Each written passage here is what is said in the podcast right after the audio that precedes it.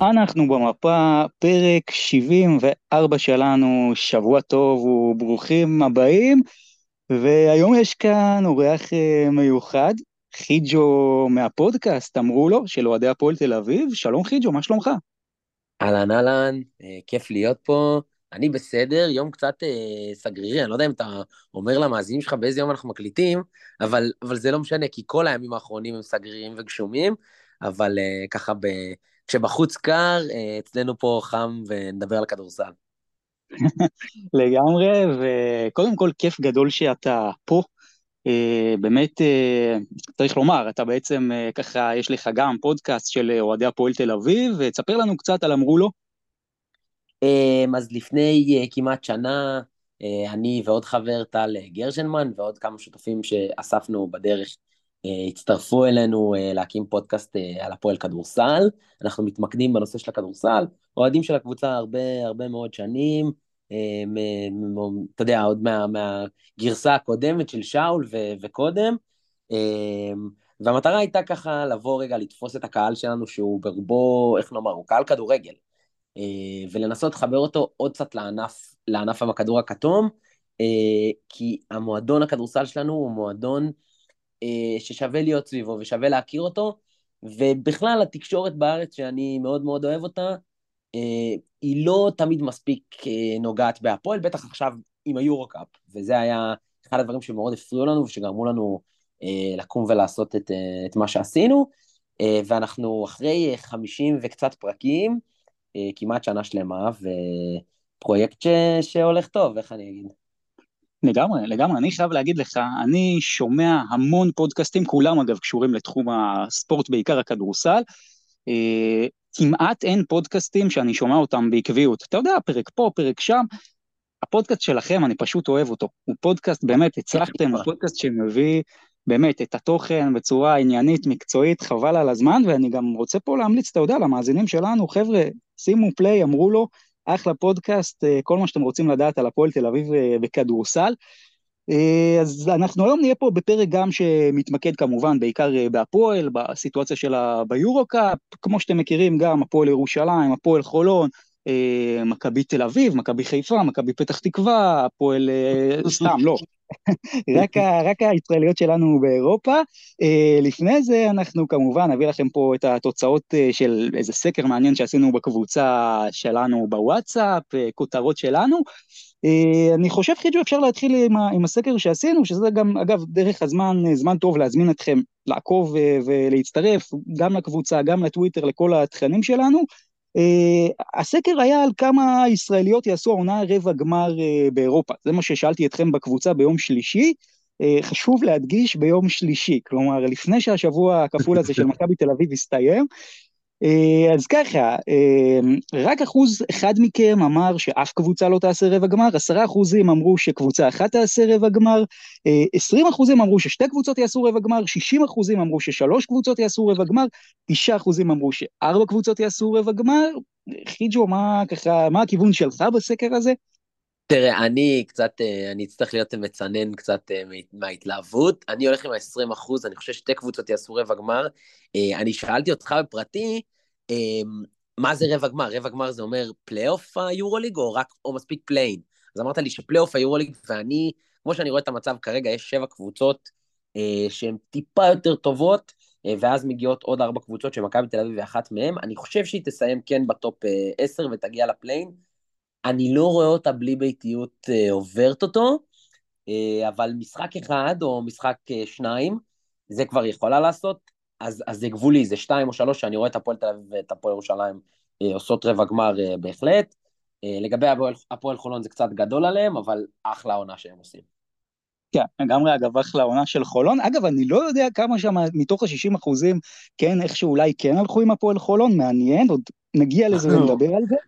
אני, אני לקחתי את זה for granted שהם, שהם התכוונו למכבי, אבל uh, אתה יודע. כן, כן, לא, זה הגיוני, זה הגיוני. Uh, ככה גם בסקרים קודמים ש, שעשיתי אצלנו בקבוצה, הרוב פה לא נותנים סיכוי גדול יותר מדי להפועל חולון, למעשה בסקר שלנו של הפייסבוק רק עשרה אחוז אמרו שהפועל חולון תעלה שלב, אני מניח שהתנודות מאז הן לא כאלה גדולות. אבל בואו נעבור מפה לכותרות של השבוע שלנו, ואני אשמח, אתה יודע, להתחיל עם כותרת של הקבוצה הכי מוצלחת באירופה, או יותר נכון, אם תרצה, קלוז' נפוקה על המפה. זו הכותרת שלי השבוע, כי נכון להיום, קלוז' נפוקה, מבין 70 הקבוצות שמשחקות במפעל אירופי כלשהו, היא הקבוצה עם המאזן הטוב ביותר, המאזן הכולל 32 ניצחונות מתוך 36 משחקים, זה כמעט 90 אחוז הצלחה, וזה פשוט כיף גדול שזה קורה. לא סתם פה בפרק ההכנה שלנו ליורו-קאפ, אני סימנתי את הקבוצה הזאת כסוס השחור של המפעל, היא באמת עשתה קיץ גדול, אה, יש לה קו גארדים נהדר, והשבוע האחרון שלה היה פשוט מרשים במיוחד. המשחק שלה מול גרן קנריה, לדעתי, היה אחד המשחקים הכי טובים שהיו העונה לקבוצה באירופה, אה, בכלל אולי אחד המשחקים הכי טובים אה, שהיו באירופה, באמת איכויות ביצוע מדהימות, והיופי בעניין הזה שסוף סוף אנחנו מקבלים איזה גוון קצת אחר באירופה. אירופה, לא יודע אם שמתם לב, נהפכה למאוד הומוגנית, פתאום זה רק צרפת, איטליה, ספרד, יוון, מועדונים כאילו סגורים כאלה, ו...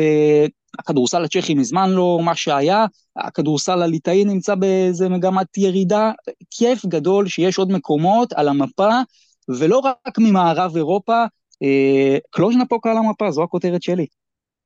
אז, אז א', אני, אני חייב להסכים איתך, כי באמת היא עושה עונה מדהימה. אני חושב שהנתון הזה הוא טיפה, אה, הוא טיפה משקר, כי הליגה הרומנית, בוא, זה לא הליגה הטובה ב, ב, באירופה, אבל... לגמרי, לא, אגב, רק נציין, ברומניה הם עוד לא הפסידו. זה, זה, כן, זה כן, מה שעושה פה את המאזן.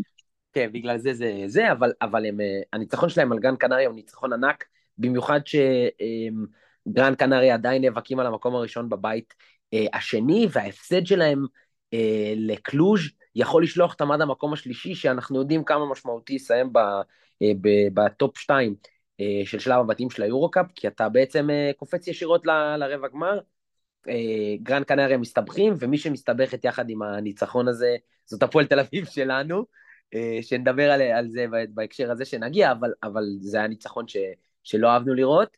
אה, בסדר, צריך להגיד על קלוש שהיא פשוט עושה עבודה מדהימה. אני אעבור לכותרת שלי, הכותרת שלי היא הגנה. אני חושב שמה שראינו השבוע זה שהקבוצות הישראליות שבאו לשמור, ניצחו את המשחקים שלהם. מכבי תל אביב עכשיו בהמשך ישיר לעונה שלהם, משחקת כדורסל קבוצתי התקפי מדהים. בהגנה יש להם בעיות, ו, ונראה שקבוצות שהולכות רק על התקפה לא יכולות לנצח. אגב, גם לדעתי קבוצות שהולכות רק על הגנה לא ינצחו, ראינו את זה על הפועל ירושלים של שנה שעברה, שבסוף לקחה רק את הגביע, אבל הייתה לאורך כל השנה קבוצה מדהימה. אמ, ו- ואני רוצה לקחת אותנו רגע אחד מעבר לים, אבל כן שחקן אירופאי, אה, לוקה דונצ'יץ' שבוע שעבר אה, עם 73 נקודות, וכולם מדברים על כמה שאין אה, הגנה ב-NBA, וזה כנראה באמת נכון. אבל אני אגיד ספציפית על לוקה, שבמשחק כזה לי היה חשוב פה ככה, ב, ב, עם, עם המאזינים שלכ, שלכם, שהם אנשי כדורסל, להגיד רגע שאני ישבתי, ראיתי את המשחק הזה, כשאני לא יודע את התוצאה, אבל לא בלייב, כמה שעות אחרי שהוא נגמר, ו, וזה לא היה סיפור של אין הגנה.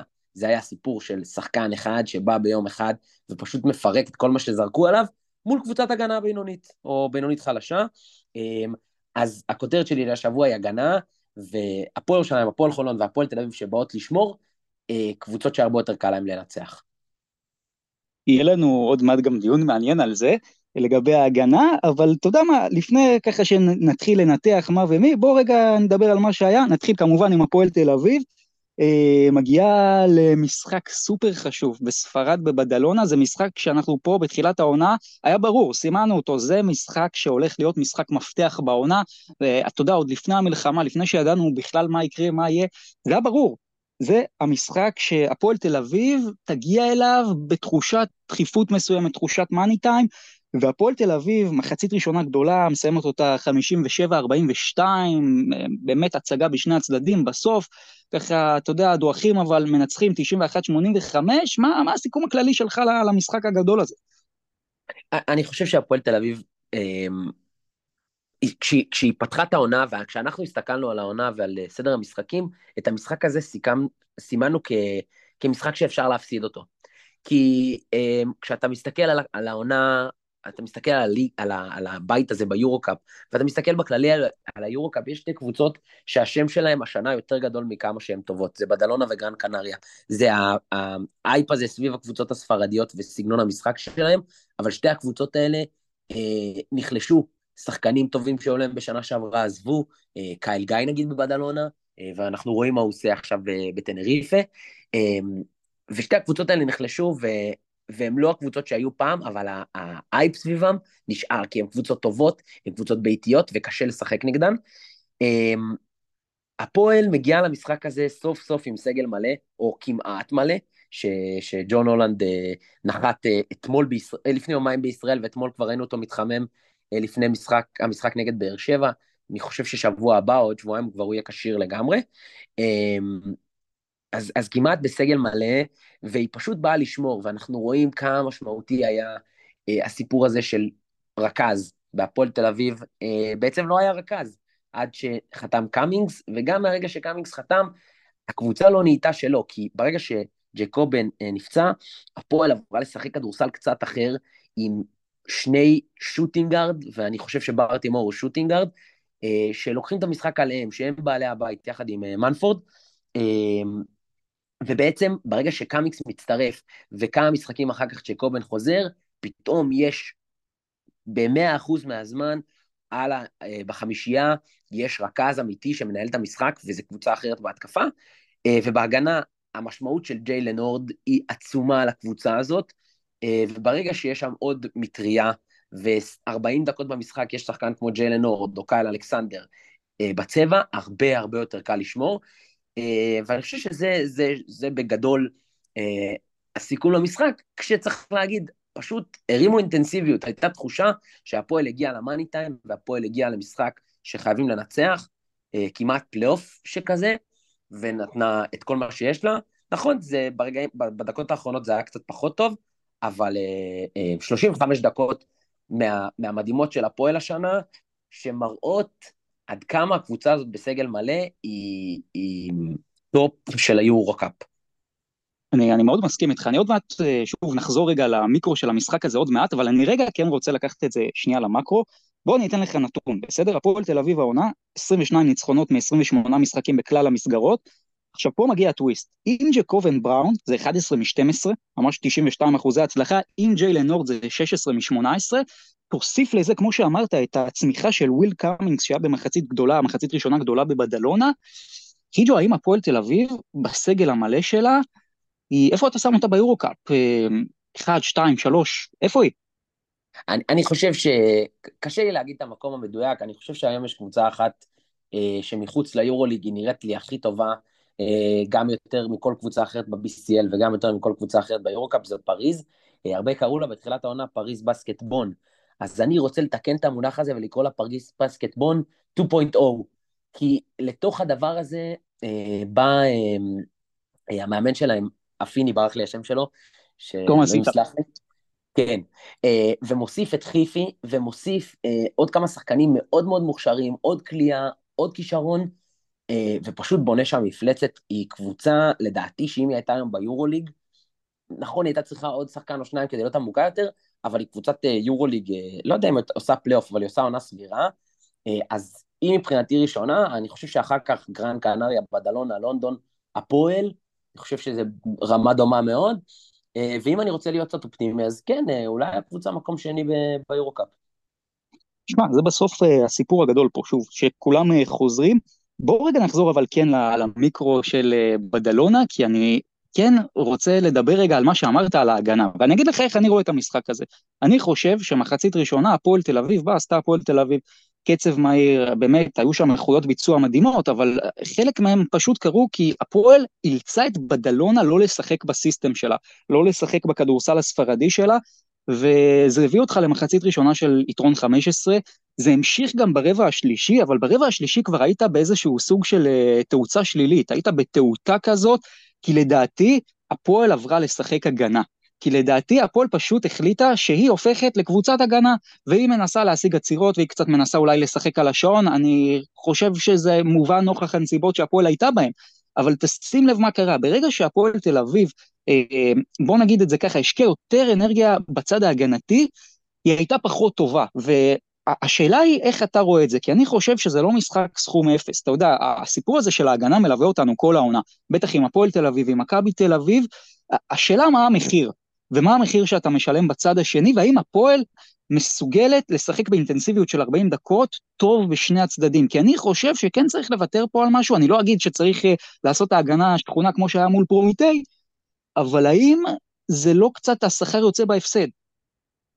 אני חושב שמה שהיה במשחק הזה ספציפית, זה שהגעת לסוף הרבע, לאמצע הרבע הרביעי, והייתה תחושה שהמשחק גמור.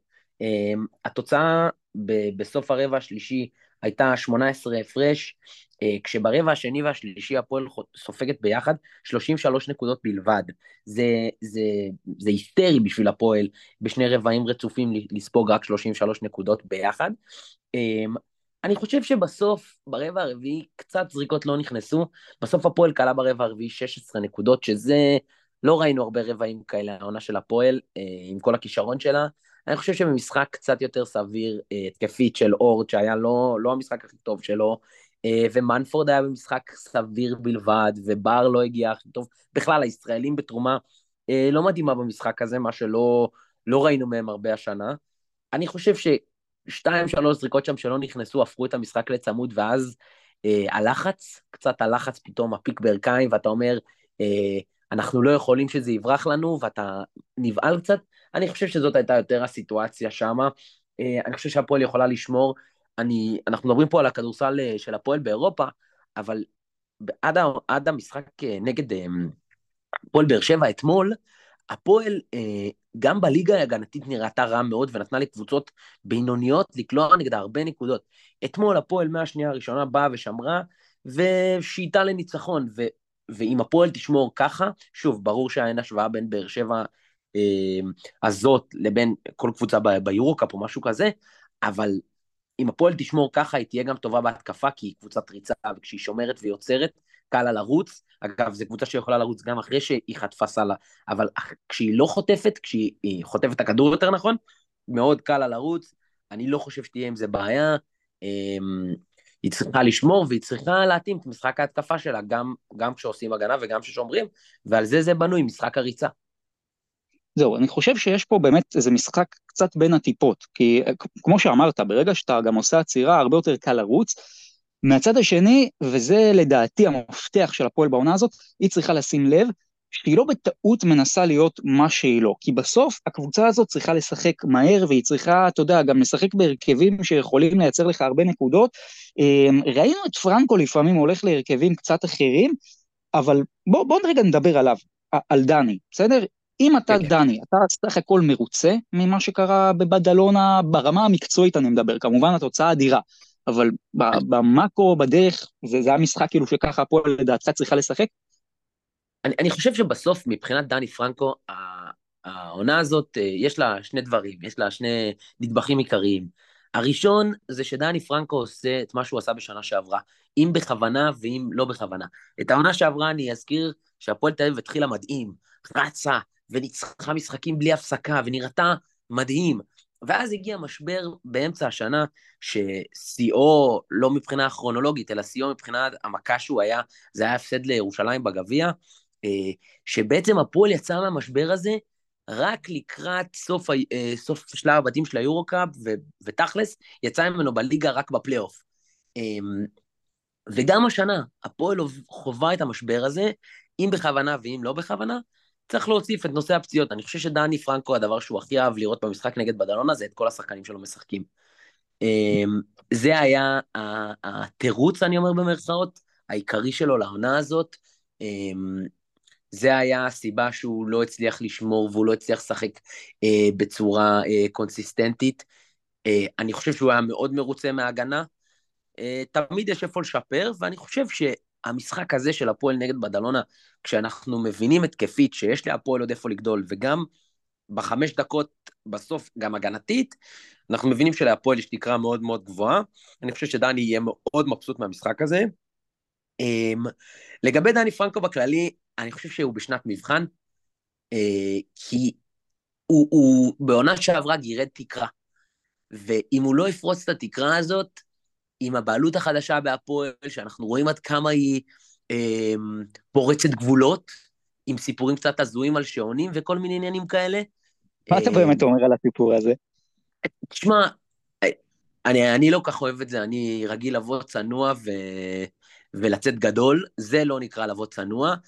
אמ, עופר ינאי הוא, הוא לא משלנו, בוא נגיד את זה ככה, אבל הוא נהיה שלנו, והוא, ואנחנו נהיים אה, אה, שלו, אה, ואם, אתה יודע, אם זה מה שבעייתי בכלה, אז אני לוקח את הכלה הזאת בשתי ידיים. כאילו, אם, אם זה כל הסיפור, אה, אז, אז אני בסדר עם זה. זהו, ודני פרנקו יצטרך, יצטרך לעשות השנה את, ה, את הקפיצת מדרגה שהוא כמעט עשה בשנה שעברה, היה חסר לו אה, כמה נקודות כדי לקחת את האליפות הזאת, אבל הוא יהיה חייב לסיים תואר, אה, או, או באמת להגיע מאוד רחוק ביורו-קאפ, כי, כי מה שקורה סביב הפועל והמועדון היום, ואיך שהקבוצה הזאת נבנתה, אה, זה שווה תואר. לגמרי, לגמרי. יש פה קודם כל גם עדיין את ההתרגשות של ההתחלה. אגב, לגבי עופר, אה, אתה יודע, דיברת על זה לא משלנו זה, אבל מה שכן צריך לומר, יש לו מוטיבציה שלדעתי גם uh, מאוד מאוד כזה להוכיח ולהראות, ו- וזה מצוין. לקבוצה שרוצה כזה לצמוח ולשאוף למעלה, זה פשוט פנטסטי שיש לך בעלים כזה. לגבי דני, אני חייב לומר משהו שלדעתי חשוב לקחת את זה במאקרו שמדברים על דני פרנקו. אני מסכים, אתה יודע, שלפעמים הוא לא כזה, אתה יודע, אני יודע, לוקח פסק זמן בזמן, הוא מנהל את המשחק מושלם, אבל בדני יש משהו מיוחד, שהוא לא מתבייש להציב לעצמו כל עונה תקרת זכוכית גבוהה, מה זה גבוהה? ברמות, כאילו, ביחס לאיפה שהוא משחק, באמת ברמות שאני לא בטוח שיש הרבה מאמנים שיכולים לעשות את זה. קח את הסגל של הפועל תל אביב, אפילו בעונה הקודמת, כמה מאמנים היו מצליחים להחזיק עונה שלמה אה, עם ג'ורדן מקריי וג'קובן בראון ביחד, שעוד מצטרף באמצע צ'יניאנו אונואקו, דני כן יש לו את הקסם הזה במובן מסוים, שהוא כן מצליח לדעתי לחבר איזשהו תלכיד, ואז הרבה פעמים כן, ביחס לתלכיד המאוד מפוצץ שהוא בונה, הרבה פעמים הקבוצה טיפה אולי זה נראה שהיא הולכת אחורה, אבל צריך לזכור שמאמנים אחרים, אתה יודע, ראינו נגיד אנטיתזה קצת בהפועל ירושלים בעונה הקודמת, אז כאילו שמים תקרת זכוכית מאוד נמוכה, אבל אז גם אם אתה מצליח, אז כאילו אתה, אתה לא באמת uh, מצליח, אתה מבין מה אני מתכוון כאן? כן, כן, לגמרי, לגמרי. אני, אני חושב שלדני פרנקו יש בעיית שיווק בכל הקריירה שלו. הוא לא הצליח לשווק את עצמו מספיק טוב, לא בעולם הכדורסל ולא החוצה, ולא בהפועל תל אביב אה, לקהל שלה, אה, כי בסוף דני פרנקו עשה תוצאות לא רעות לאורך כל הקריירה שלו, אה, אבל אני חושב שדני פרנקו אף פעם לא היה מאמן מיוחד. הוא אף פעם לא עשה את מה שאיסה לא עושה, עשה לעונה אחת בבון. הוא אף פעם לא עשה את מה שג'יקיץ' עשה בעונה אחת. הוא אף פעם לא הראה איזה משחק התקפה מדהים כמו קאטה, שאתה אומר, שגם לדני פרנקו אין את העילה של קטש בתור שחקן כדורסל. לדני פרנקו חסר את, ה, את הגרוש ללירה הזה, אה, שיהפוך אותו באמת למאמן גדול, ו, ותראה, אם, אם דני פרנקו היום עושה אליפות בהפועל, הוא ככל הנראה המאמן הכי גדול שדרך בהפועל תל אביב, בהיסטוריה. כאילו, אני לא מדבר רק בסבב הזה, אלא לאורך כל ההיסטוריה של הפועל תל אביב, ואם הוא יעשה אליפות בהפועל תל אביב, אני חושב שהוא אחד המאמנים הגדולים בישראל. לא יודע, top חמש, top שבע, top שמונה, top ארבע, צריך, אה, אפשר לנהל את הדיון בהזדמנות, אבל, אבל הוא שם מבחינתי. אמ, דני פרנקו, אה, אמ, אבל כן, בסוף הוא יצטרך לעשות את התואר הזה, כי, כי את, ה, את המקרי אד uh, קייס, מה שנקרא, שהוא לקח עד עכשיו, הוא התמודד עם דברים אפילו גרועים uh, uh, מג'ייקובן, שברוב הימים הוא בחור טוב, לפעמים זה קצת קשה, וגם uh, ג'ורדן מקרה לדעתי הוא כזה, בחור חמוד, אבל, אבל לפעמים קצת קשה להתמודד איתו על, על, על, על הפרקט. Uh, ראינו אותו מתמודד עם דונטה, uh, דונטה סמית ו, ועוד uh, שחקנים מהסוג הזה, ומצליח איתם. והשאלה של דני, האם הוא יכול לעשות את זה גם בהפועל תל אביב? אני חושב שזה יהיה אה, נדבך הכי משמעותי בקריירה שלו. לגמרי, חד משמעית. אגב, דני היה במגמת ממש נסיקה בקריירה, כל עונה עשה עוד קצת ועוד קצת ועוד קצת, עד 2016, משחק אחד מול ראשון לציון, זה פחות או יותר לדעתי מה שזרק לו את הקריירה, גם אחרי זה שנה הוא לא אימן, אבל uh, כמו שאמרת, דני בסוף, סוף העונה הזאת, זאת, זאת עונה שיכולה ממש אפילו לשנות לו את הקריירה. בוא רגע אבל uh, נסתכל uh, קדימה קצת, אז אתה יודע, עכשיו uh, הפועל תל אביב במקום השני, ורגע לפני שנגיע לבשיקטש, בוא, בוא רגע נעשה זום אאוט על המצב, גם עם קצת מה שקורה בבית המקביל.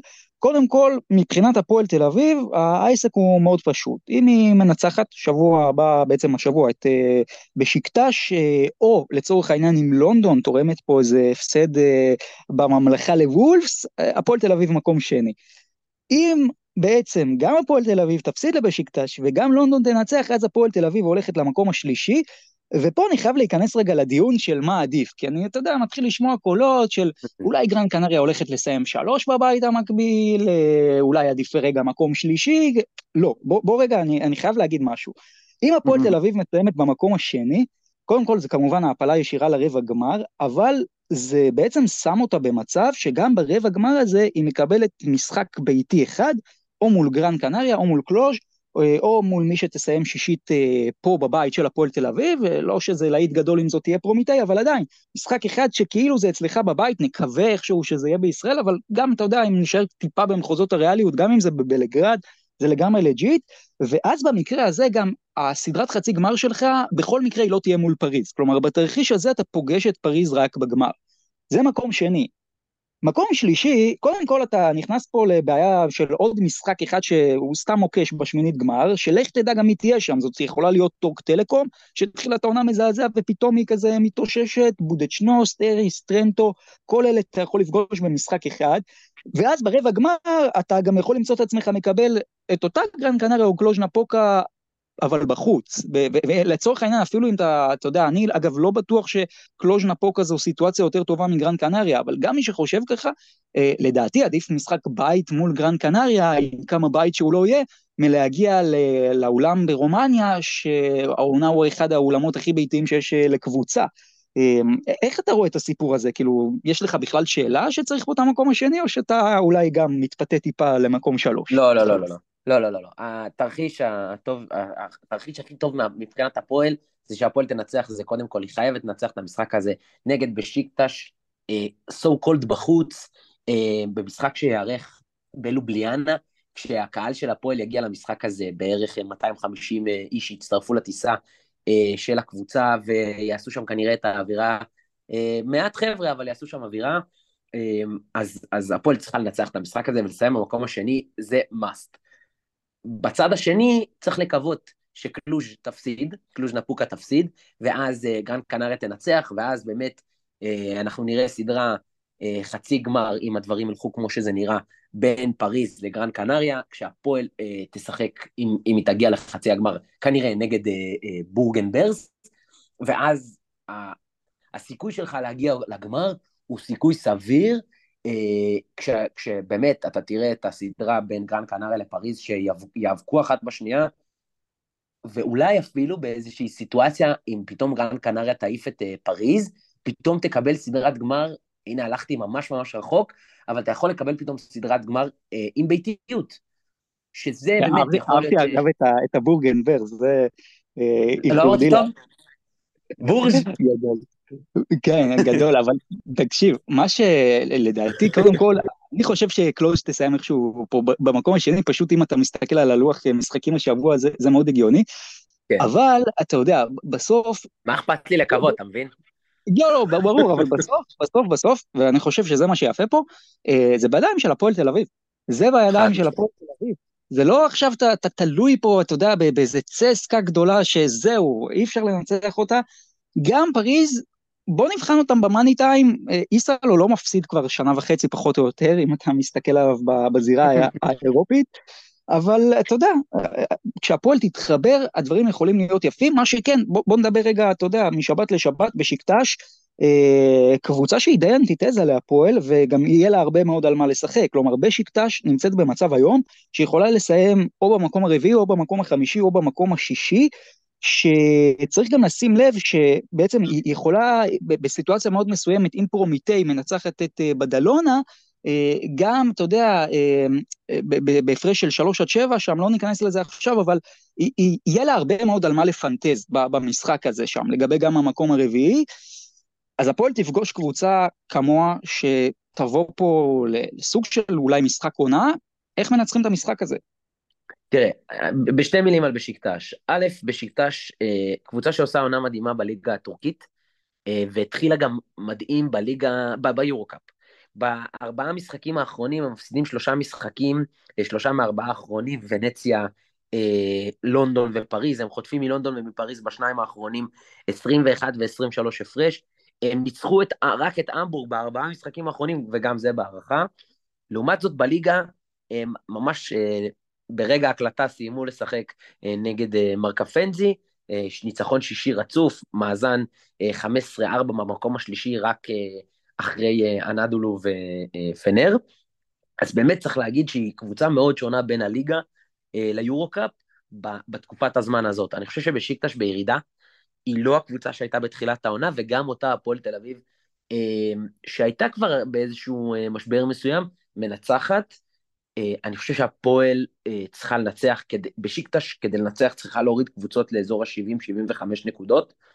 הפועל לא אמורה אה, בשום משחק לרדת מ-80 נקודות, גם כשהיא במשחק לא טוב. כמות הכישרון וכמות היכולת לעשות נקודות בקבוצה הזאת, היא, היא, אני חושב שהיא מאוד מאוד מיוחדת, אני לא רוצה להגיד היסטורית או תקדימית, אבל, אבל זה ברמה מאוד מאוד גבוהה, ואני חושב שאם הפועל תבוא למשחק שהיא יכולה לשחק את משחק ההתקפה שלה, ולא תיתן לטורקים להאט את הקצב, ותשחק מהר והרבה פוזיישנים, הסיכוי של הטורקים לנצח את המשחק הזה הוא לא גבוה. אני חושב שבמצ'אפ הזה ספציפית, להפועל יש המון יתרון על, על בשיקטש, במיוחד שראינו איך הפועל פוגשת את ירושלים בשנה שעברה, אני משווה את ירושלים פה לבשיקטש, הפועל פגשה את ירושלים בשנה שעברה, ניצחה אותה פעם אחת, ואז הפסידה כמה ריצופים, וכשהגיע לפלייאוף, פתאום ראינו איך הפועל הבינה איך משחקים נגד קבוצה כזאת, מה צריך לעשות, איך, אמ,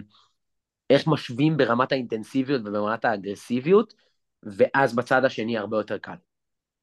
אז אני רוצה לסמן, אתה יודע, יש פה הרבה מאוד מפתחות לגבי מה הפועל צריכה לעשות, אני רק אתן פה מפתח אחד, שזה העניין של הריבאונד, לגבי בשיקטש, כי היא קבוצת ריבאונד מצוינת. היא מקום שלישי באחוז הצלחה בריבאונד התקפה במפעל הזה, 51 אחוזים, זה פחות או יותר אומר שכל כדור שלישי שהיריבה שלה מחטיאה שיכול להוביל לריבאונד, בין אם זה החטאת עונשין שנייה או שלישית, או לצורך העניין אה, החטאה מהשדה, בשיקטאש לוקחת אותו, וגם מקום שלישי בריבאונד ההגנה עם 73 אחוזי הצלחה, הפועל לצורך העניין מקום 16 אה, בריבאונד התקפה עם 39 אחוזי הצלחה, מקום 11 בריבאונד הגנה עם 69 אחוזי הצלחה.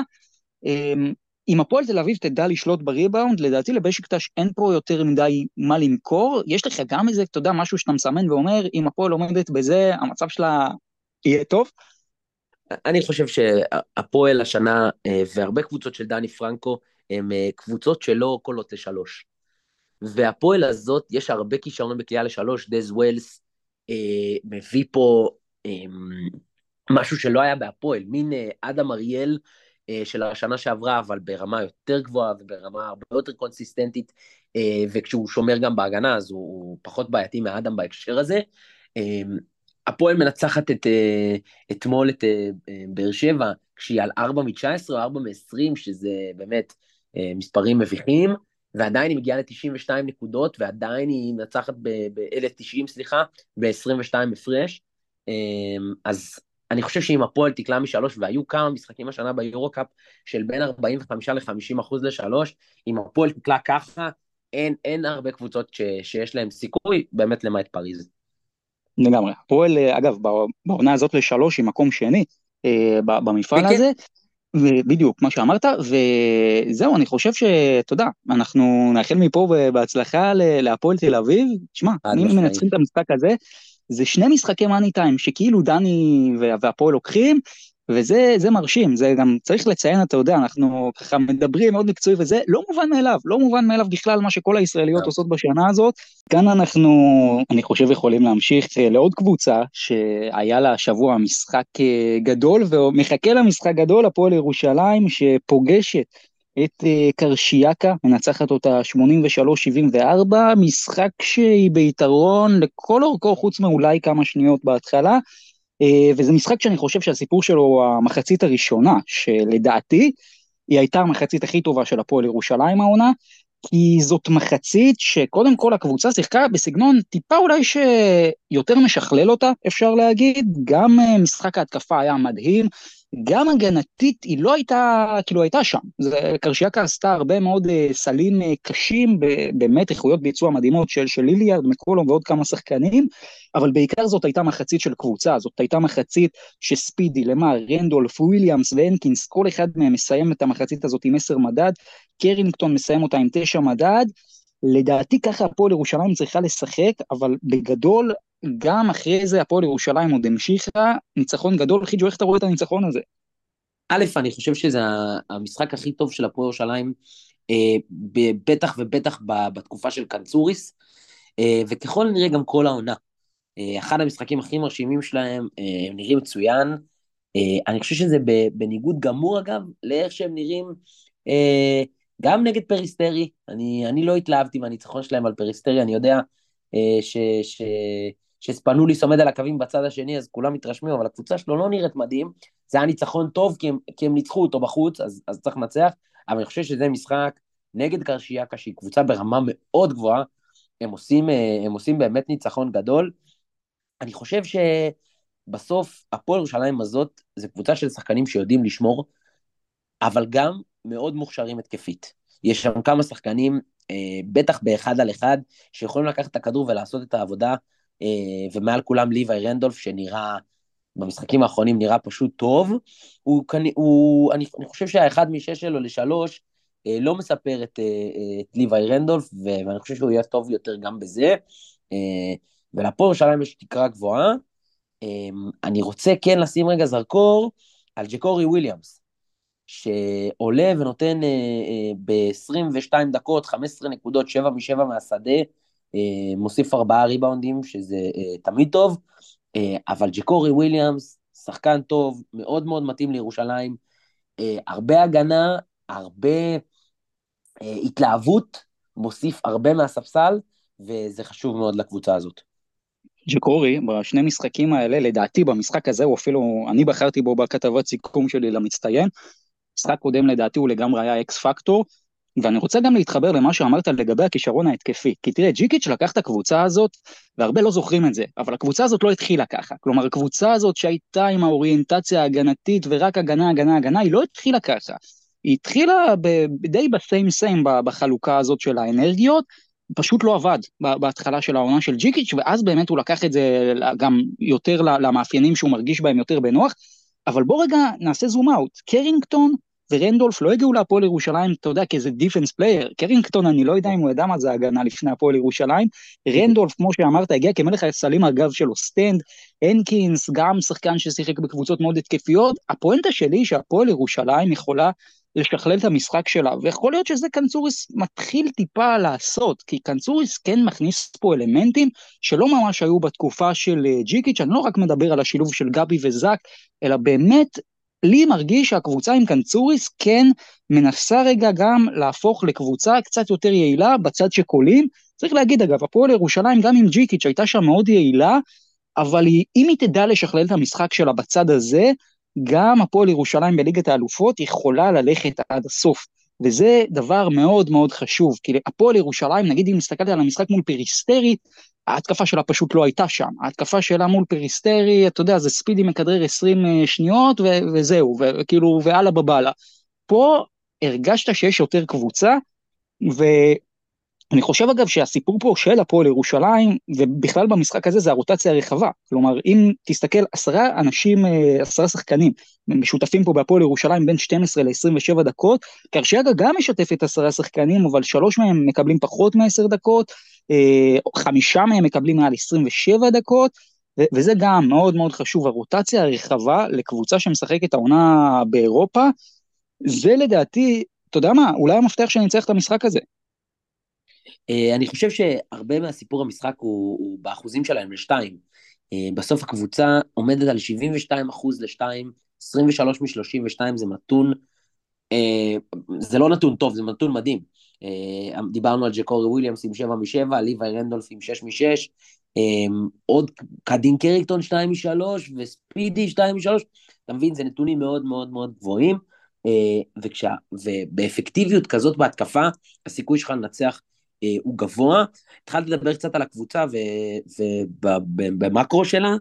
אה, אם מדברים על הפועל ירושלים, הסיפור הוא, הוא אם, אם דיברנו רגע על הצד החיובי, אז בואו נדבר שנייה על הצד הפחות טוב, וזה הישראלים שלה. אה, למרות הרוטציה הרחבה ולמרות שזוסמן מקבל 15 דקות וצטשווילי מקבל 11 דקות, קורנליוס עם 21 דקות, כמעט 2, תרומה מאוד מאוד מאוד מזערית, חמש נקודות משותפות לשלושת השחקנים האלה, בלייזר בכלל לא משותף. ב-47 דקות, זה, זה הרבה. אה, אגב, אני רוצה להיות טיפה פחות עדין ממך, אם יורשה לי. או, אה, אני הייתי עדין, יופי. יופי, אוהדי ירושלים, עכשיו לא יגידו שבא אוהד הפועל תל אביב וירד עליהם, אם אני עדין. אז אני אנסה להיות טיפה, כאילו, טיפה יותר ישיר. אה, אור קורנליוס, כרגע משחק בצד אחד של, ה, של הפרקט, במיוחד בעונה הזאת, בעונה הקודמת, בחצי עונה הראשונה הוא כן הציג דברים יפים גם בצד שקולעים בו, אני לא יודע איפה הוא בצד הזה. אמ, גבי צ'צ'שווילי, שוב, בדקות שלו, אתה יודע מה, בשני משחקים האחרונים בסדר, אבל גם אני להגיד לך שזה מה שהפועל ירושלים כיוונה אליו בשלב הזה, לא יודע, למרות שאצלו כן יש upgrade, עוז בלייזר משחק אחרון נמחק מהרוטציה, והסיפור פה הוא יובל זוסמן, שזה, אתה יודע, אותי מפתיע משני הצדדים. קודם כל מבחינת הקרדיט שזוסמן מקבל, כי יובל זוסמן, כשהוא הגיע להפועל ירושלים, אני הייתי בטוח, אתה יודע, שהוא לא עכשיו הולך להיות ה-go to guy, אבל שזאת החתמה שכן, של שחקן שהוא יהיה לידר, אתה יודע, לא כמו קרינגטון ורנדולף, אבל שפה זה יהיה מה שנקרא השחקן השישי, העוגן הנוסף. זוסמן, העונה פשוט אה, גם לא מקבל את הקרדיט, אבל גם כשהוא מקבל את הקרדיט הוא לא שם. אתה יודע, מול פריסטרי זה היה רק 88 שניות, עכשיו 15 דקות, בסך הכל 8 משחקים בליגת האלופות, 16 דקות זה הממוצע, קולע בהם 3.5 נקודות, אה, שלושה ריבאונדים, אסיסט, חטיפה, עיבוד, 5.5 מדד, גם האחוזים אגב לא טובים, 44% ל-2, 30% ל-3, 67% מהקו, תגיד לי, מה קורה עם הישראלים בהפועל ירושלים, ובמיוחד עם יובל זוסמן, כי, כי זה כאילו היה צריך להיות הרגע בריחה בקריירה. אני, אני אגיד לך רגע משהו, לפני שנדבר על זוסמן, אני אגיד לך משהו על uh, צטשווילי במשחק הזה, אני מסתכל על השורה הסטטיסטית שלו והכל אפס, uh, למזלו הוא חסם פעם אחת, אז, uh, אז זה לא נשאר הכל אפס. Um, יש, יש מם כזה של טוני סנל, של ה, שהוא שיחק 28 דקות ואפס נקודות, אפס ריבאונדים, אפס זריקות מהשדה, אז זה קצת המם הזה, גבי צטשווילי, אה, אולי יהפוך להיות סנסציית רשת מה, מהצד הלא טוב. אה, תראה, לגבי זוסמן וקורנליוס, קורנליוס היום אחד משחקני ההגנה מחוץ ליורוליג הגארדים, אה, שאני הכי מתרשם מהם. משהו באגרסיביות שלו, למרות שהוא עושה מה שנקרא הרבה אין צ'ק, משהו בזה גורם לשופטים לא לשרוק לו, וזה עבודה מצוינת מהצד שלו. באמת, הוא שומר מצוין ועושה עבודה גדולה. בצד השני, גם קורנליוס, גם זוסמן, אה, לא בעניינים. אה, זוסמן באמת זה, זאת הפתעה ענקית, הוא, הוא, תראה, אני לא אוהב לקחת את השכר ולהגיד מול השכר מה הוא תורם, אבל יש פה פער אה, ענק בדבר הזה. אה, אני, אני אמרתי פעם על אה, שחקנים ישראלים בסיטואציה הנוכחית, שהם צריכים להיות השחקנים ששומרים וקונים את השלשות הפנויות. ו, ומה שנקרא, ניזונים מההתקפה ש, אה, שמייצר הרכז, לרוב הזר, אם זה אה, בהפועל זה ג'קוב בן בראון, ואם מכבי זה לורנזו, ואם בירושלים זה ספידי, אבל בירושלים לקחו את, ה, את, ה, אה, את התורה הזאת והפכו אותה למשהו קיצוני ומופרך. ברמה האישית, לא כל כך מפריע לי שהם לא תורמים ככה, אבל באמת רגעים בהסתכלות של ירושלים על הסיטואציה, ושבכלל של שחקנים ישראלים, נוצרה שם איזושהי סיטואציה בעייתית, שנראה שהיא גם קשורה ל... קצת ב vibe של הפועל ירושלים, שהלכה מאוד לכיוון אה, של, של הזרים, בלי כוונה, אני חושב אפילו בלי כוונה. אבל, אבל הם, הם נראים פשוט חסרי ביטחון וזה נראה לא טוב. אני חושב אבל שהייתה פה טעות בקיץ, צריך להודות בזה. זוסמן וקורנליוס, אני חושב שזה שילוב שלא יכול לעבוד ביחד. אה, אמרתי את זה גם בקיץ, זה, זה קצת אותו, כאילו לא אותו שחקן, אבל זה פחות או יותר ברגע שאתה עושה את זה וגם אין לך את הרכז הישראלי, פה אתה נמצא בבעיה. העניין הוא שאני כן חושב שעם זוסמן, אני לא אגיד שזה כל הסיפור, חלק גדול מהסיפור, כמו שאמרתי, זה גם העניין של הקרדיט שהוא מקבל. כי זוסמן הוא בסוף כן שחקן שבנוי על הביטחון, הוא כן שחקן, ש... הרי זה מה שהוא רצה כשהוא היה במכבי תל אביב, הוא רצה קבוצה שתאמין בו ותיקח אותו, ומה שנקרא, אני לא אגיד תבנה את הכל סביבו, אבל שהוא יהיה שם מאוד דומיננטי ומרכזי, שהוא שם יותר נוח לו, ואני חושב שבשיקולי דקות האלה כן יש מקום בהפועל ירושלים, אולי קצת כן להוריד מהדקות של קורנליוס ולתת אותם לזוסמן, כי אה, בסוף הפועל ירושלים תהיה חייבת את, ה, את הספסל שלה. עוד מעט נגיע לקבוצה, אתה יודע, לטנריף ולקבוצה שיש לה הרבה מאוד ספסל, אבל אם הפועל ירושלים תאבד את הספסל שלה בעונה הזאת, לדעתי היא תאבד אה, את, ה, את הכוח שלה. אה, זה, זה בעניין הזה. אני רגע רגע... אני, אני, אני חייב להגיד על זה משהו, אני כן. חושב שהפועל ירושלים לא פחות עמוקה מטנריפה. אה, ברמת, ה, ברמת השחקנים, ומאיפה הם באו, ואיפה הם שיחקו, ומה הרמה שלהם, ומה ראינו בשנה שעברה שהם יכולים לתת, אני לא חושב שהפועל ירושלים הרבה יותר קצרה, יש להפועל ירושלים 11, 11 שחקנים, יש להם שחקני אה, BCL אה, לגיטימיים לחלוטין, או, או יותר כמובן, בוא נגיד לפחות, ואני לא בטוח שהיא הרבה יותר, הרבה יותר קצרה מטנריפה, פשוט אנחנו רגילים, ובהייפ שהקבוצות הספרדיות יש להן רוטציה עמוקה והרבה שחקנים, כי, אה, כי זאת השיטה. אבל הפועל ירושלים הזאת, 11 שחקנים לגיטימיים לחלוטין, אני חושב שיש שם בעיה באמת עם חלוקת הדקות, וגם בחלוקת, גם כשהם משחקים, אני חושב שהישראלים לא מקבלים מספיק את הכדור. אגב, זה נכון גם אה, אה בהרבה משחקים לברינטון למר, אה, שלא מספיק מקבל את הכדור ולא מספיק משותף בהתקפה, כי ההתקפה של הפועל ירושלים, אה, בתקופתו של ג'יקיץ' בעיקר, עוד לא ראינו לגמרי את השינוי הזה קורה, אבל, אבל כן, אה, אה, נגד קרשיאקה ראינו את זה קצת אחרת, היא התקפה שהיא מאוד אה, אה, one man show. עושים איזשהו תרגיל לבידוד, ו, וברור לאן הולכים בהתקפה. אני רק אומר, בסוף, ככה אם אני גם, אתה יודע, אולי מסכם את זה, אז, אז לא דיברנו עליו בכלל, אבל ספידי סמית, מול פריסטרי עשה עם השלשת ניצחון והכל עדיין 22 נקודות ושישה אסיסטים, שזה היה משחק, אתה יודע שבסוף, ככה דיברנו פרק קודם איך לאכול את זה, אה, כי, כי הוא כמעט גם הפסיד את המשחק, אבל בסוף הוא ניצח אותו ויצא גדול. אבל הפעם אני חושב שספידי סמית היה יותר טוב. תשע נקודות בלבד, כאילו, אבל 12 אסיסטים, וכמו שאמרת, בריינטון למר, הפעם נכנס למשחק, וזה היה הטוויסט, אבל בוא, בוא רגע נתקדם אה, כן לטנריף. אה, דיברת על הספסל, אני חושב שאולי זה דווקא יכול להיות הכוח של הפועל ירושלים, אם היא תדע להביא אותו. העניין הוא שטנריף, כשאנחנו מסתכלים עליהם, הסיפור פה הוא המומנטום. טנריף היא עם שישה ניצחונות בשבעת המשחקים האחרונים, היום אה, בשעה שתיים, יום ראשון, יש לה משחק מאוד מאוד חשוב מול בסקוניה בליגה. עכשיו, הסיפור, אתה יודע, זה, זה סיפור מאוד מעניין מה שקורה בטנריף בכלל. אני ככה, כל העונה הזאת מאוד מאוד אוהב להתמקד בקבוצה הזאת, כי מצד אחד יש שם המון ניסיון, והיא קבוצה גם, אה, אתה יודע, מאוד מוכשרת, מצד שני מאוד מבוגרת, הרבה מאוד שחקנים מעל השיא, ואני חושב שמה שטנריף עשתה לפני חודש זה מהלך מנצח, כי השש משבע האחרונים, למעשה אפשר גם לקרוא להם יותר חמש משש, זה קייל גיא. כי מרגע שהוא הגיע לקבוצה הזאת, אה, הקבוצה הזאת קיבלה סוף סוף את, ה, את השחקן, קודם כל שיכול לעשות hero ball, שקצת קשה, מי שיכול לרווח לה אולי טיפה יותר את המשחק, מי שיש לו רגליים גם להחזיק הרבה מאוד זמן על הפרקט, ואם אנחנו שופטים לפני, לפי שני המשחקים האחרונים, 25 נקודות מול קרשיאקה עם 5 מ-12 ל-3, 6 מ-6 מהקו, 26 נקודות מול פריסטרי עם 5 מ-10 ל-3, 3 מ-3 מהקו, אה, שני המשחקים הוא משחק בסביבות ה-25-30 דקות, תקשיב, קייל גיא הופך פה את הקבוצה הזאת לקבוצה אחרת לגמרי. אתה ממש גנבת לי את המילים אה, ואת הנתונים אה, אה, מהדף, אבל אני, אני לא יכול לא להתחבר למה שאמרת. אמ, תראה, טנריפה התרגלה שיש לה את ססו סאלין. ססו סאלין בעונה קצת פחות טובה, למרות המשחק המטורף ההוא שנתן לפני כמה שבועות, של ה-17 מ-19 מ-3, לא זוכר כמה זה היה, אבל באמת משחק משוגע. אה, וטנריפה ברגע שהיא הבינה שחסר לה את סאסו סאלין של השנים שעברו, הלכה ועשתה את המהלך להביא את סאסו סאלין 2.0. אה, קייל גיא בעיניי שחקן מוכשר יותר מסאסו סאלין. אה, קלעי, אני לא יודע אם אפשר להגיד ב top מי מהם יותר טוב, אבל לקייל גיא, קייל גיא יכול להוריד גם את הכדור לרצפה, יכול גם לנהל את המשחק, הוא מסיים את המשחק האחרון גם עם ארבעה אסיסטים, בנוסף ל-26 נקודות, אה, ו-9 מ-16 שהוא עושה מהשדה, הוא גם עשה 4 מ-6 ל-2, שזה לא פחות מרשים אה, אה, ברגעים מסוימים.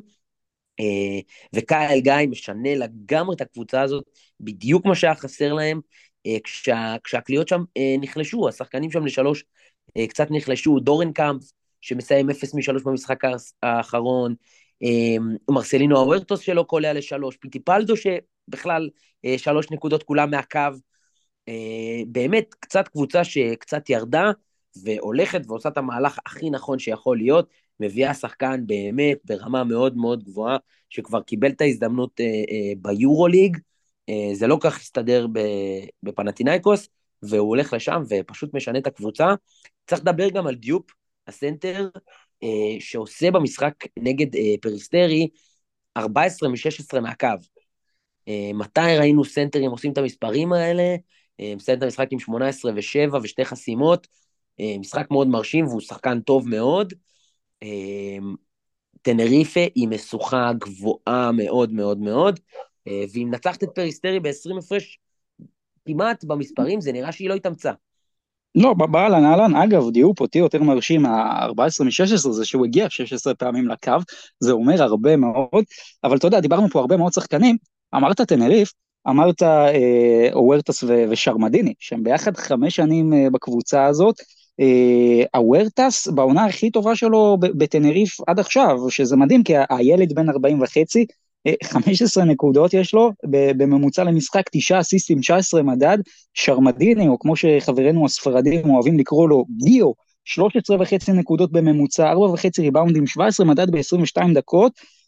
לגבי אגב הצמד הזה, זה, אתה יודע, אתה, היו פה הרבה מאוד צמדים, אנחנו גם זוכרים אולי צמד של יותם וליאור. תקשיב, האם אפשר להגיד שזה אחד מהצמדים המוצלחים ביותר שהיו בכדורסל האירופי? שמע, כנראה ש... כנראה ש... אה, אי אפשר יהיה להתווכח עם, ה... עם האמירה הזאת. אני חושב שהם יצטרכו אה, אולי עוד פעם להוכיח את זה, גם בגיל הזה המבוגר. בטוח אגב, הם הזוג, הצמד הכי מבוגר שהצליח הכי הרבה. זה כאילו, אתה יודע, יש שם גיל משותף 147. ממש ככה.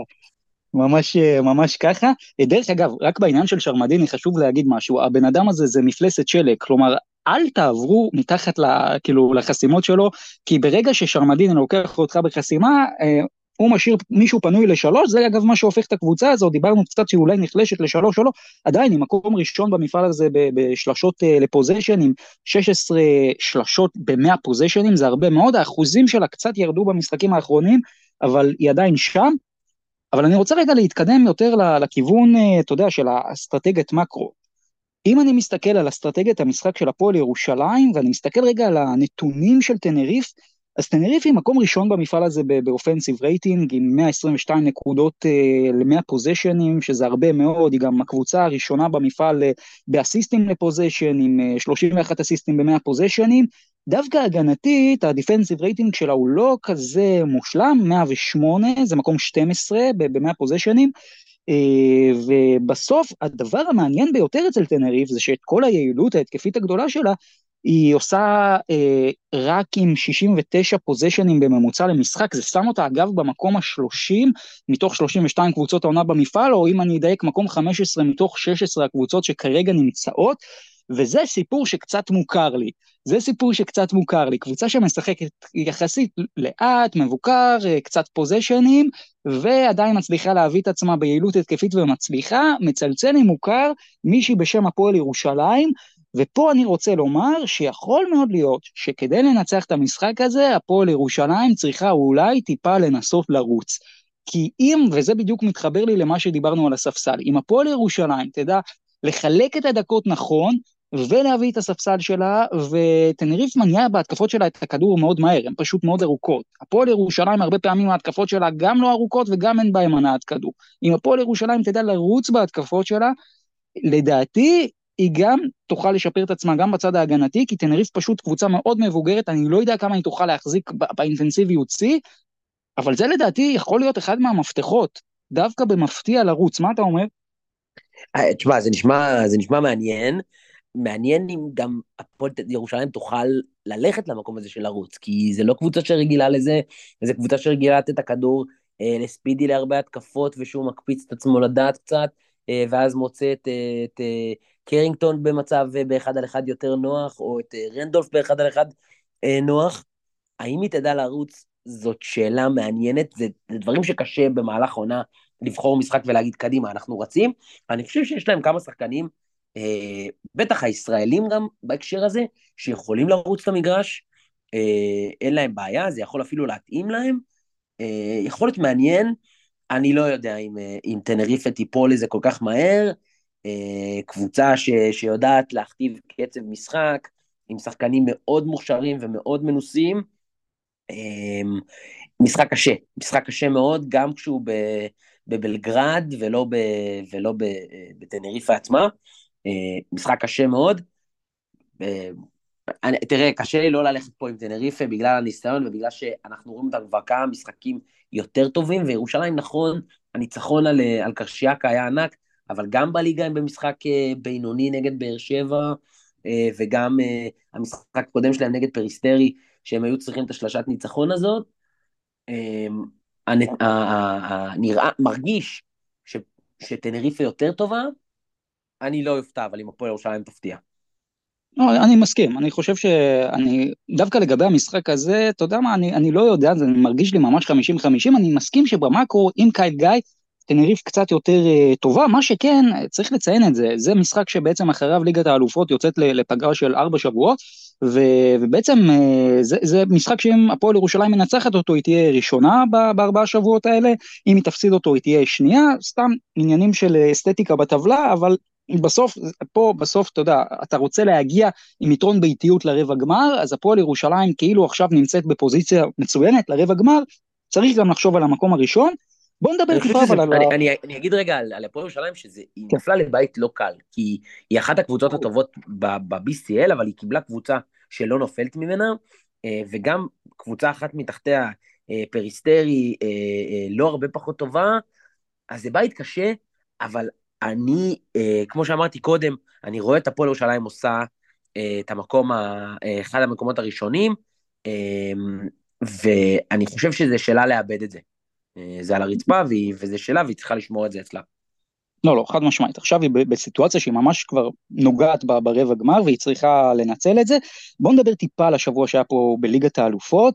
אה, קודם כל, בית איי, אה, בקרב על המקום הראשון, מלאגה מנצחת את אה, שולה 86-74 בצרפת, והיא עושה את זה בזכות רבע האחרון של 25-8, אחרי שהיא כבר הייתה בפיגור 5 נקודות בסוף הרבע השלישי, אה, ומלאגה כמובן, הקבוצה שמאזיננו יודעים כמה אני אוהב אותה, אה, הסיפור שלה הוא הרוטציה הרחבה, וזה בעצם כל האגב, אני לא הייתי בן אדם שמאמין ברוטציות רחבות יותר מדי, אבל מלאגה העונה עושה פה משהו מדהים. נגיד במשחק הזה, 11 שחקנים, שעשר מהם אה, משחקים בין 15 ל-23 דקות, זה כבר ממש ממש על הסכין, ו- וזה בעצם מה שמאפשר למלאגה להציג אינטנסיביות כל כך גדולה ברבע האחרון, ולנצח בו 25-8 את שולה, אז מלאגה ראשונה בבית הזה, אותו בית, טופש מביסה 93-71 את uh, שטרסבורג, שעוד פעם, הסיפור פה הוא רוטציה רחבה של עשרה שחקנים שמשחקים בין 12 ל-27 דקות, שכולם גם קולעים.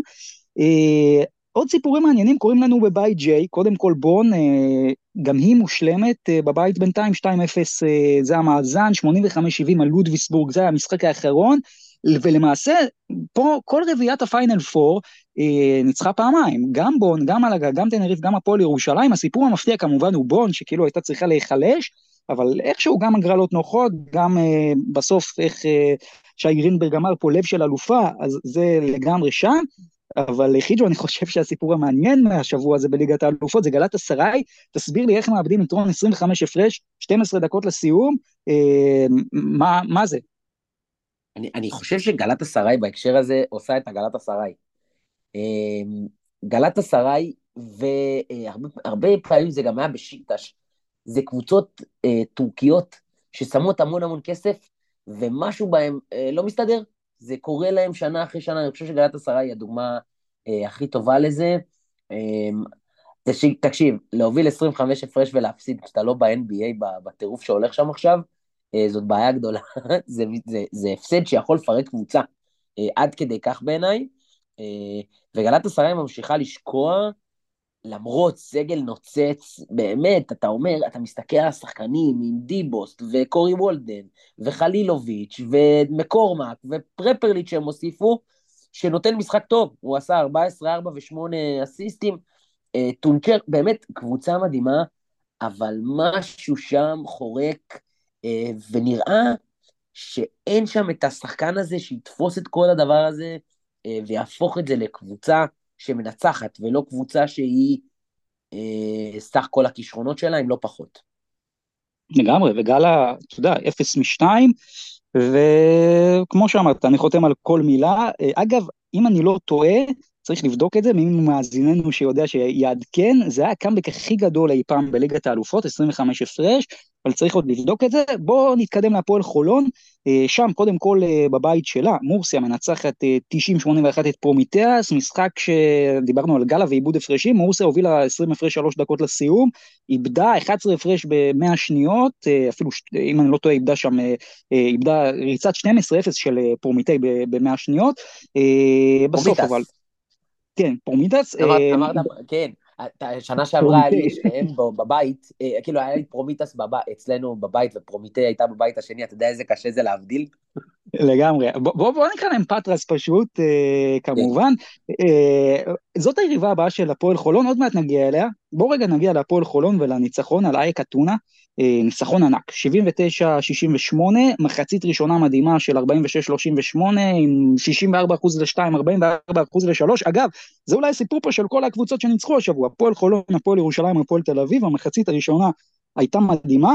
אה, גם שלשות, חולון פתאום 10 מ-27 ל-3, קבוצה שהתחילה את המפעל הזה בארבעה משחקים הראשונים, הייתה במקום הראשון, הובילה את המפעל באחוזים ל-3, אחרי זה הציגה אחוזי קוטג', חוזרת פחות או יותר ל zone שלה. אה, ואתה מסתכל פה על המאקרו, 21 אסיסטים, 10 חטיפות, 9 איבודים להפועל חולון, לעומת 9 אסיסטים, 5 חטיפות, 15 איבודים לאייק, משחק שחולון פשוט שולטת בו, ואני חושב, אתה יודע, זה די obvious, זה הניצחון הכי מרשים של הפועל חולון העונה, אייק מפורקת, לא מפורקת, זה לא מעניין. זה, זה משחק פשוט, אה, אתה יודע, שהפועל חולון בתחילת העונה, וגם לפני שלב הבתים הזה, אני לא חושב שהיא סימנה שהיא תיקח אותו, בטח לא ככה. לגמרי, לגמרי. אני חושב שהפועל חולון גם אמרה לעצמה, עצם זה בהגעה לטופ 16, שהיא עשתה את שלה. אמ, והייתה לי תחושה שבעצם האמירות שלהם, של עשינו את שלנו והצלחנו, משחקים שהם 50-50, הם לא ייקחו אותם כי הראש לא יהיה שם. ודווקא במשחק הזה הפועל חולון מוכיחה שהיא היא, היא שם, והיא שם לקחת משחקים, ואולי אה, מצד השני נוצ, נוצרה תחושה של אין לנו מה להפסיד. נבוא, ננצ... נשחק, לנצח, ננצח, אחלה, נפסיד אה, אה, גם בסדר, הכל טוב, אנחנו את שלנו עשינו, אה, וככה זה נראה, באמת ניצחון עצום שלהם. הגנה, דיברתי על ההגנה בהתחלה, ודיברנו על הפועל תל אביב, ודיברנו על הפועל ירושלים, וגם הפועל חולון שומרת ומוציאה את אייק מהשטף לגמרי, לגמרי, פשוט הוציאו אותם מהמשחק, הם היו נראים אבודים מסוף הרבע הראשון בערך. ג'סטין סמית, אני חושב שהוא אחד השחקנים שאני רוצה לדבר עליו, הגנה אדירה על הגארדים, גם בחילופים, שמר, אה, אה, מקריי, אה, וכל מי שהוא קיבל מולו, לא התבלבל, שמר, נשאר עם הידיים למעלה, הרגליים עבדו, עבודה גדולה, אה, ונתנאל ארצי, פשוט אקס פקטור, מאיפה הוא בא, כול, כאילו, קשה לו לא אוהב את נתנאל ארצי, אבל אה, הוא הראה משחק שהרבה שנים לא ראינו ממנו, ואני לא חושב שדמיינו שנראה ממנו, בטח במעמד כזה. לגמרי, לגמרי, כל מילה.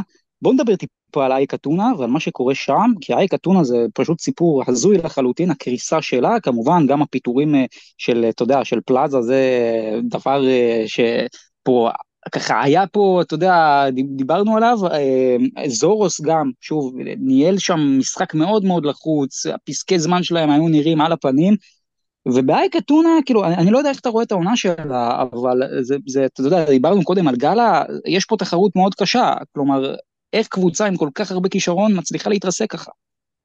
חד משמעי, אני חושב שהם בעיקר מתרסקים בליגה. אני חושב שדווקא עד, עד לשני משחקים האחרונים אה, ב-BCL הם די הצליחו, ואז נהיה שם איזשהו לחץ סביב הפסדים אה, בליגה, אה, והם פשוט עושים את כל הטעויות, ממש עושים את הגאלה.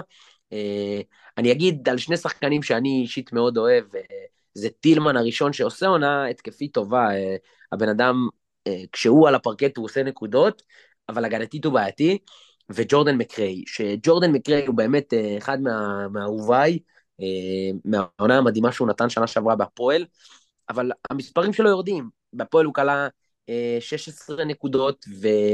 אה, ועכשיו הוא קולע 13 נקודות. בהפועל הוא שיחק 29 דקות אני חושב, ועכשיו הוא, הוא 25, אה, ואחוזים בשלוש. האחוזים שלו בשלוש בהפועל היו 42, עכשיו באייק הוא על 23 אחוז. זה צניחה, מה זה צניחה? בחצי. אה, והוא לא נראה מספיק טוב והקבוצה לא מספיק טובה, אז הוא לא מספיק טוב, הוא לוקח על עצמו יותר וזריקות כנראה יותר קשות, וזה לא מצליח לו, כי כשג'ורדן מקריי ניזון ממה שהרכז נותן לו, הוא ענק.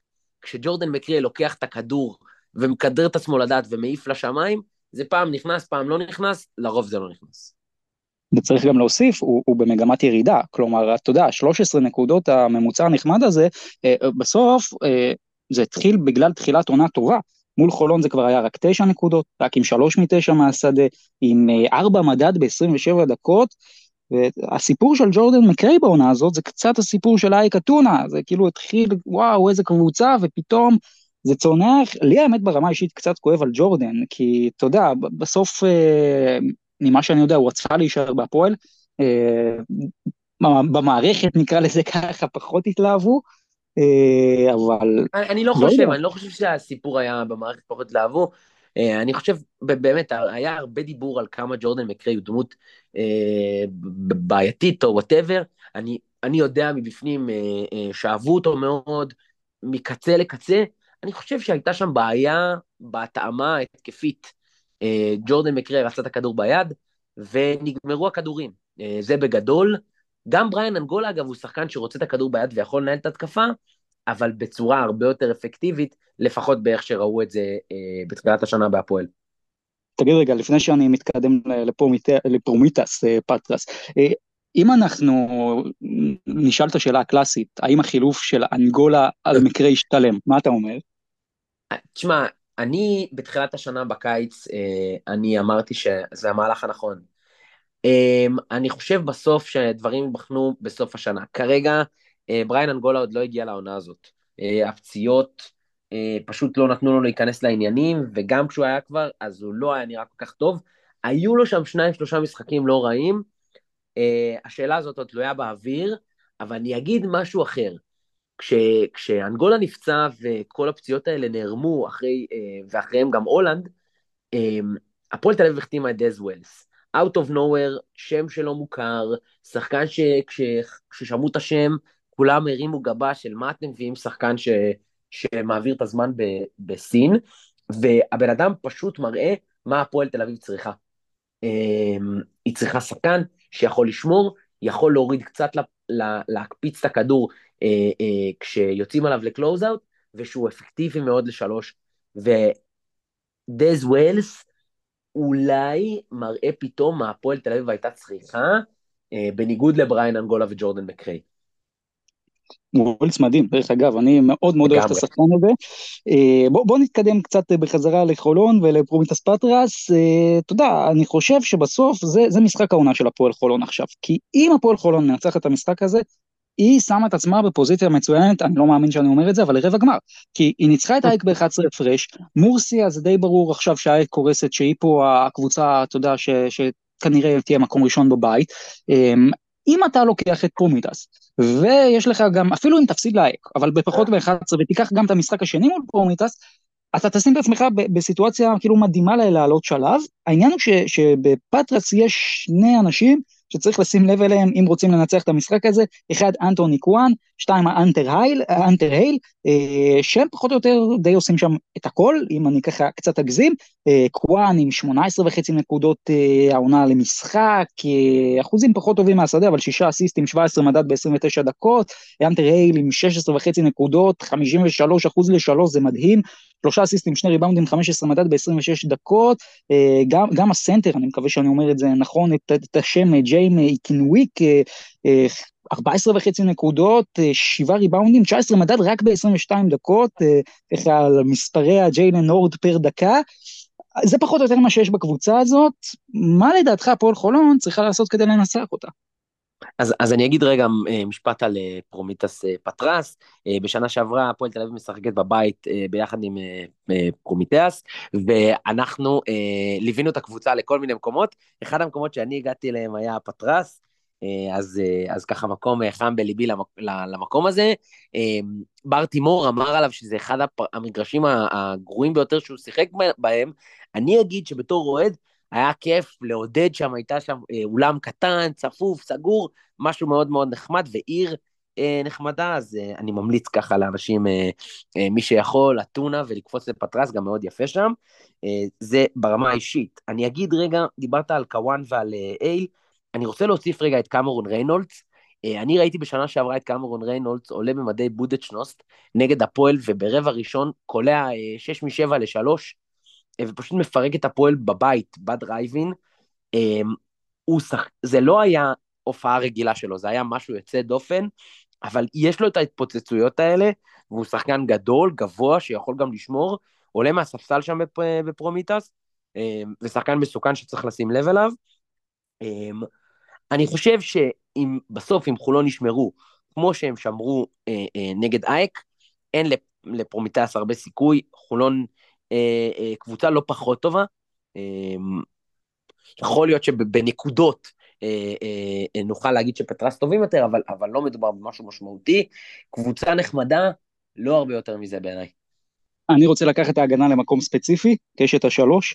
פרומיטס אה, קולעת ב-39% אה, לשלוש, היא מדורגת שם רביעי במפעל, 15 שלשות בממוצע ל-100 פוזיישנים, זה כבר שם אותה במקום השני. אם הפועל חולון תדע לעצור את העניין הזה, וגם את הגארדים, כמו שדיברנו, לדעתי זה די בידיים שלה, הגנה, כל מה שאמרת, אבל זה בגדול. אה, הימור שלך, חולון עושה את זה? אז ההימור שלי, אולי לצערי אני אגיד, אה, לדעתי הפועל חולון לא תעשה את זה, למרות שזה משחק שמבחינת הכדורסל היא יכולה לקחת.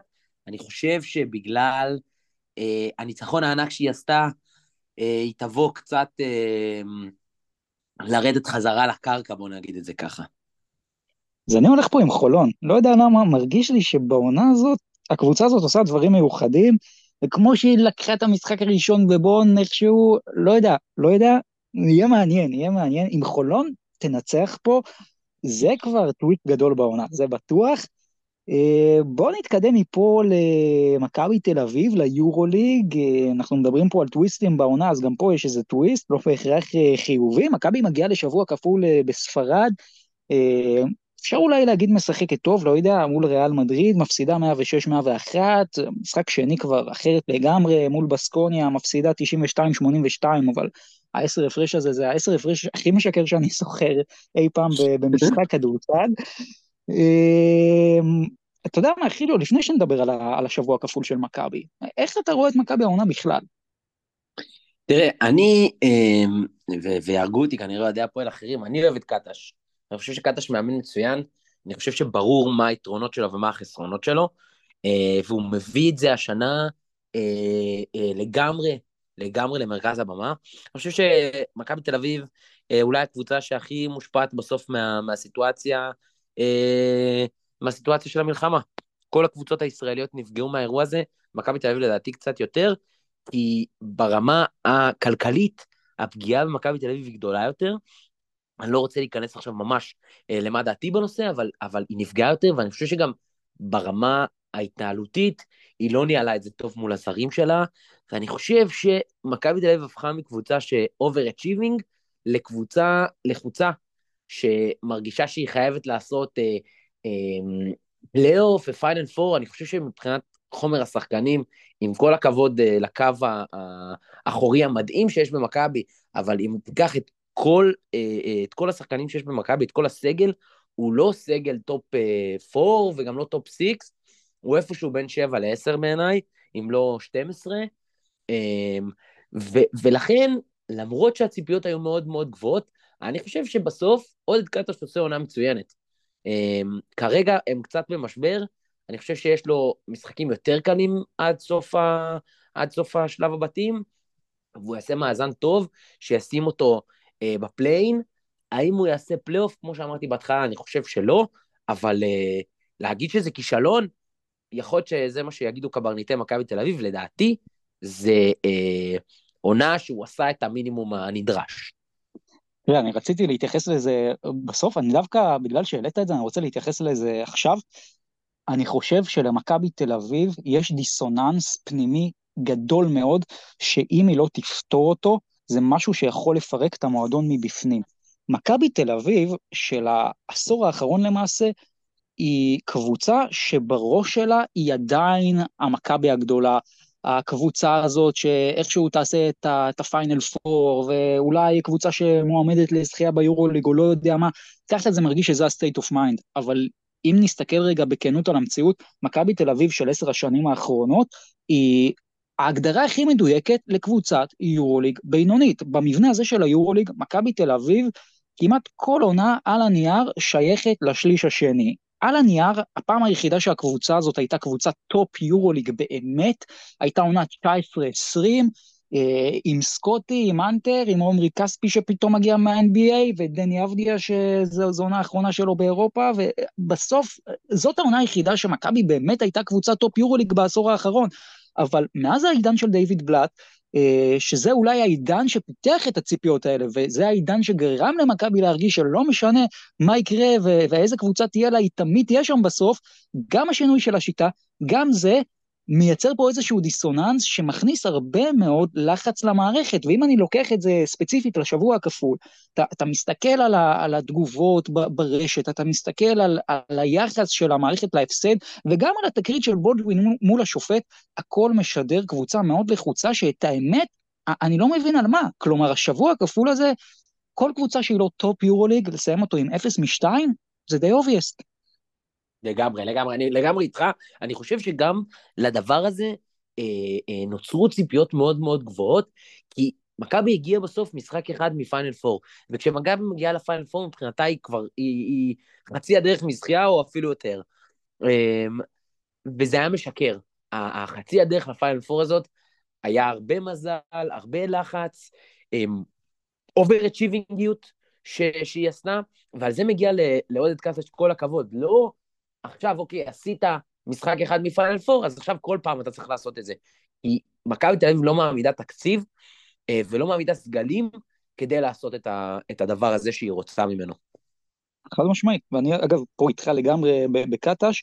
אה, בואו רגע אבל נתמקד ספציפית על השבוע הזה, אתה יודע, עשינו סקר בקבוצה לגבי האם מכבי צריכה לשמור כוחות uh, במשחק במדריד, איך היא צריכה להתנהל בעצם, ללכת על כל הקופה, כאילו לתת את הכל במדריד ולבוא לבסקוניה, או לצורך העניין uh, אולי כן להתנהל פה באיזה אסטרטגיה של אני מוותר על מדריד, וכזה נותן את הכל ושיהיה לי רגליים לבסקוניה. 75% אגב אמרו, ואני מסכים, שצריך ללכת על שני המשחקים, אבל בדיעבד בתכלס אתה חושב שזה היה נכון, כי אולי המשחק כאילו הגדול והנחמד במדריד, של, של הכמעט, הוא לא, הוא לא שווה כלום הרי בסוף. אולי מכבי הייתה צריכה להתנהל קצת אחרת? אני, אני אגיד לך משהו, לדעתי כל הדבר הזה של ללכת על משחק ועל משחק אחר לא ללכת, הוא משהו שלא קיים. אין את זה בכדורסל האירופאי. אה, אם, אם יש את זה איפשהו, אז זה קצת ב-NBA, שפשוט אה, משחקים מסוימים אתה רואה שכמה שחקנים מהסגל לא רושמים, ואומרים בואו ניתן להם עוד יומיים לנוח, והולכים על המשחק אחר ואומרים אותו ננצח. בכדורסל האירופאי כמעט אין דבר כזה שאומרים בואו, יאללה, נוותר על המשחק הזה, ניתן לשחקנים לנוח, ועוד 48 שעות נעורר אותם והם יקומו כדי לנצח את המשחק. כשאתה יוצא מהשטף, פתאום מאוד מאוד קשה אה, להניע שוב, אה, ואז אתה יכול למצוא את עצמך פתאום עם 0 מ-2, שנכון, מצאת את עצמך שם, אבל במדריד היית טוב מאוד והראית משהו ש, אה, שלשעתו היה נראה טוב. אחרי בסקוניה פתאום הדברים נראים אחרת, אבל זה באמת בגלל כמה שהמשחק הזה היה קשה, ו- ובסוף בסקוניה, המשחק הזה, אה, אמר את זה עופר שלח בסוף המשחק, ואני לא מחובבי עופר שלח, אבל אני, אני נורא מסכים איתו, ההפסד הזה לבסקוניה היה אחד ההפסדים הכי קשים של מכבי השנה, אה, ו- ולא בגלל התוצאה, אלא בגלל איך שהיא נראתה.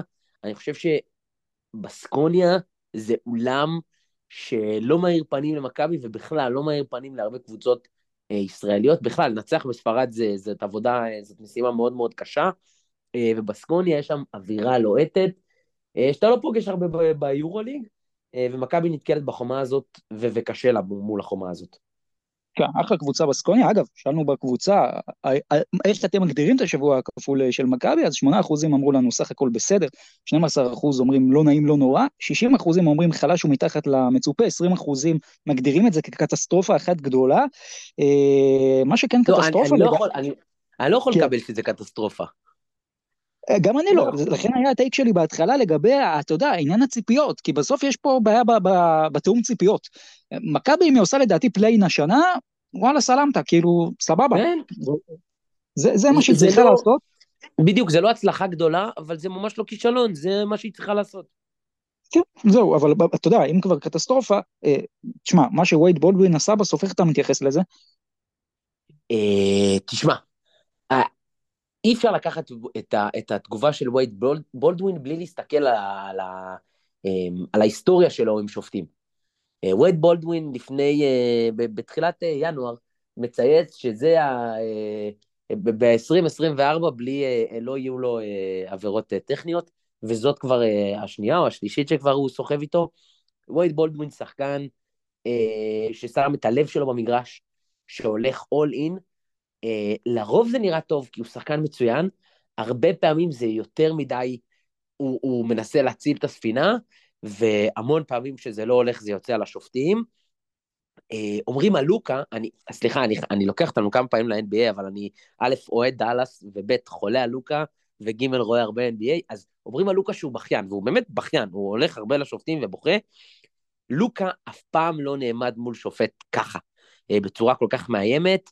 אה, זה לא נראה טוב, אני, מאוד מעניין לראות מה היורוליג תעשה, כי בניגוד להרחקות שם שהיו אז בין אה, ריאל ופרטיזן במכות שהיה שם, אני חושב שהיורוליג אמ, מאוד מאוד מאוד תהיה נוקשה בהקשר של איך מתנהלים עם השופטים. אה, וזה קצת מבחן להנהלה של היורוליג. אמ, אם אני מכבי, אני חושש מהרחקה של שניים שלושה משחקים בחוץ. אבל מזמן ידענו ש... אה, של לחשוב מה היורוליג תעשה, זה, זה כאילו אי אפשר לדעת, אה, נצטרך אה, לחכות ולראות. כן, לא, מכבי תמיד, אתה מזכיר את ריאל פרטיזן, בסוף הקבוצה שם שכאילו הייתה לא בסדר, היא עוד זו שהרוויחה מהסיטואציה, אז לך תדע, שאלה אם אתה מכבי, אתה, אתה גם עושה משהו פנימי, או שכאילו, מה, מה שהיורוליג יעשה זה מספיק לי. תראה, הם לא רשמו את, את, את בולדווין למשחק בליגה נגד חולון, אני לא חושב שהם אה, יענישו אותו יותר מזה, אנחנו מכירים את מכבי תל אביב אה, לטוב ולרע. אה, הם לא הענישו שחקנים שלהם שעשו לאורך השנים, ואפשר ללכת לכל מיני מקרים כאלה ואחרים. הם לא, מעני, הם לא נוטים להעניש אותם ברמתם, הם נותנים לתת לליגות עצמם להעניש אותם ו- ולקבל את העונש ו- ולעמוד בו. אבל מכבי תל אביב היא קבוצה ומועדון שמגן על השחקנים שלו כמעט לא משנה מה הם עשו, אה, זה, זה כן, זה עם ביקורת מסוימת, אה, אבל, אבל אם אתה חלק ממכבי תל אביב, ואם אתה אוהד של מכבי, זה מה שאתה רוצה לראות. אם אתה נגדה, אתה מעלה שאלות של, של כל מיני דברים שמכבי הגנה עליהם, שלפעמים זה היה נראה לא טוב, ושוב, אני לא משווה בין מה שבולדמין עשה, עם כמה שזה נראה לא טוב בטלוויזיה, לעומת אירועים אחרים של שחקני מכבי בעבר. כן, בוא, אתה יודע מה, בוא גם נתקדם טיפה מקצועית. Uh, בקטע אגב של בולדווין, אני מאוד אוהב את וייד, כלומר וייד זה, זה, זה היה נקודת, אתה יודע, הנקודה החיובית בשבוע הזה. Uh, בכלל, היו הרבה שאלות על וייד, העונה, איפה הוא ומה החשק ומה זה. חבר'ה, מדובר בשחקן ענק, מדובר בשחקן, אתה יודע, שבסוף מבחינת האיכויות ביצוע שהוא יודע להביא, אה, באמת מהטופ של אירופה. העניין פה הוא לורנזו בראון, כי לורנזו בראון בשבוע הזה סוגר עם 6 מ-27 מהשדה, שזה נתון הזוי לחלוטין, 6 מ-27 לשחקן כמו לורנזו בראון. אני אגב לא יודע מה יותר הזוי, האחוזים, זה שהוא לקח 27 זריקות ב-60 דקות, ובכלל העונה של לורנזו, אם אתה מסתכל, 13.3 נקודות uh, בממוצע למשחק, אחוזים ממש לא טובים מהשדה, 44 אחוז ל-2, 32 אחוז ל-3, 88 אחוז מהקו, 6 אסיסטים, 2.7 ריבאונדים, 3 עיבודים, 12.2 מדד ב-30 דקות, אנחנו בדיוק פחות או יותר שנה על ה... אתה יודע, על החגיגות של הארכת החוזה ללורנזו בעוד שנתיים וחצי, לא לזה מכבי תל אביב ציפתה. תשמע, אני, אני, אני, אני טועה, אני טועה לגבי אה, אה, אה, סליחה, לגבי לורנזו בראון, אה, האם פתאום לורנזו בראון חזר לגודל הטבעי שלו, או שהוא בתקופה לא טובה? כי, כי בסוף, אה, לורנזו שלפני מכבי, שלפני האליפות ההיא אה, עם ספרד, היה שחקן יורוליג מצוין, אבל לא היה אחד הגארדים אה, הכי טובים בפער. והיום לורנזו בראון, אה, אחרי עונה וקצת במכבי, שהוא נראה כמו אולי הרכז הכי טוב ביורוליג, או, או top 4, top 5, ביחד עם בולדווין, מרכיבים את, ה, את אה, הקו האחורי הטוב במפעל ביחד עם אה, ריאל, או, או, מי שירצה להתווכח איתי, אבל, אבל הם נמצאים שם איפשהו אה, ב debate, אה, ואני טועה, ו- ואני לא יודע להגיד, אני מודה שאני לא יודע להגיד, האם פתאום לורנזו בראון, עם ככה, עם הגיל ועם הסיטואציה קצת פחות טובה ונוחה ונעימה במכבי, אם הוא לא חוזר לממדים הטבעיים שלו, או שהוא פשוט תפס שלושה ארבעה משחקים לא טובים, קורא לכל שחקן, הוא יחזור אה, אה, וייתן בראש אה, גם, אה, גם ביורוליג וגם בליגה. אני חושב שזה גם וגם, כלומר אה, לורנזו, אגב גם בולדווין, יצאת מזה בקלות. אה. כן, תשמע, כי בסוף לורן, אגב גם בולדווין, שניהם היו בעונה הקודמת, בעונת השיא בקריירה שלהם. וכמו שדיברנו לפני כמה דקות, מכבי של העונה הקודמת איכשהו הצליחה לייצר פה איזה שלם, פתאום עם ג'יי כהן שעולה לך בחמישייה ומשנה את הכל, וג'ון די, היה פה איזה שלם שבאמת היה חזק מאוד. אמ, העונה יכול להיות, כן, שזו חזרה לגודל אה, הטבעי, בוא, זה לא, זה לא כזה מפתיע. העניין הוא שמכבי עכשיו, דיברת גם על לוח המשחקים, אז הוא כאילו מעודד, אה, אבל בוא רגע נשים את הדברים על השולחן. השבוע הבא יש לך משחק מול הנדולו, ואז שלושה שבועות הפסקה ביורוליג, אה, שזה גם קצת, אתה יודע, בסדר, לא, לא ניכנס לזה עכשיו, אבל פתאום יש לך כזה, אתה יודע, איזה נקודה כזה, ש... אתה, אתה עושה פאוז ו, ו, ואז חוזר לעונה במצב אחר לגמרי אצל רוב הקבוצות. אה, זה משחק מאוד חשוב מבחינת אה, מכבי מול הנדולו, שאתה יודע, אם אנחנו מדברים על הצהרות של מכבי, נראה לי לאנדולו יש צרות קצת יותר גדולות, גם היא פיטרה את ארדנג'אן, אה, אז עכשיו המאמן שלה הוא תומיסלב מיאטוביץ', אבל בסוף היא כן מנצחת את המשחק האחרון אחרי שהיא באמת התבזתה מול ז'לגיריס, אה, גם המשחק שעשתה בו 37 ברבע השלישי, הייתה בפיגור 13, גם איבדה את ההפרש בסוף. הסיפור פה הוא האולם הביתי, כי הנדולו הרי תארך את המשחק הזה בריגה בלטביה, אבל הקבוצה הזאת בבית היא עם 8 מ-12 בטורקיה, ובחוץ היא 2 מ-13. כן. אני, אני אגיד משהו רגע, שנייה, חוזר אחורה לשני דברים קטנים אה, על מכבי בהקשר של הסיכום השבוע האחרון, ואז אני אתקדם הלאה. אה, אז דבר ראשון, אה, לורנזו לא טוב, אבל יש בעיה, כי תמיר בלאט היה בהרבה משחקים, גם כשלורנזו היה בינוני או אפילו טוב, עליו היה טוב. במשחקים האחרונים תמיר לא טוב. אה, וזה פוגע במכבי גם בהרכב השני, ואז מחפשים הרכבים ולא מוצאים את הרגליים ואת הידיים. ודבר שני, אני רוצה לסגור ככה את המאה כותרת שלי, ודיברנו על זה לאורך כל הפרק, על נושא ההגנה. מכבי לא הצליחה למצוא את הדרך שבה היא שומרת, מאוד קל לעשות נגדה נקודות. אה, אני, אני אקח אותך רגע, סליחה, כי זה פשוט קרוב לליבי, לדרבי אה, שהפועל מנצחת לפני שבועיים.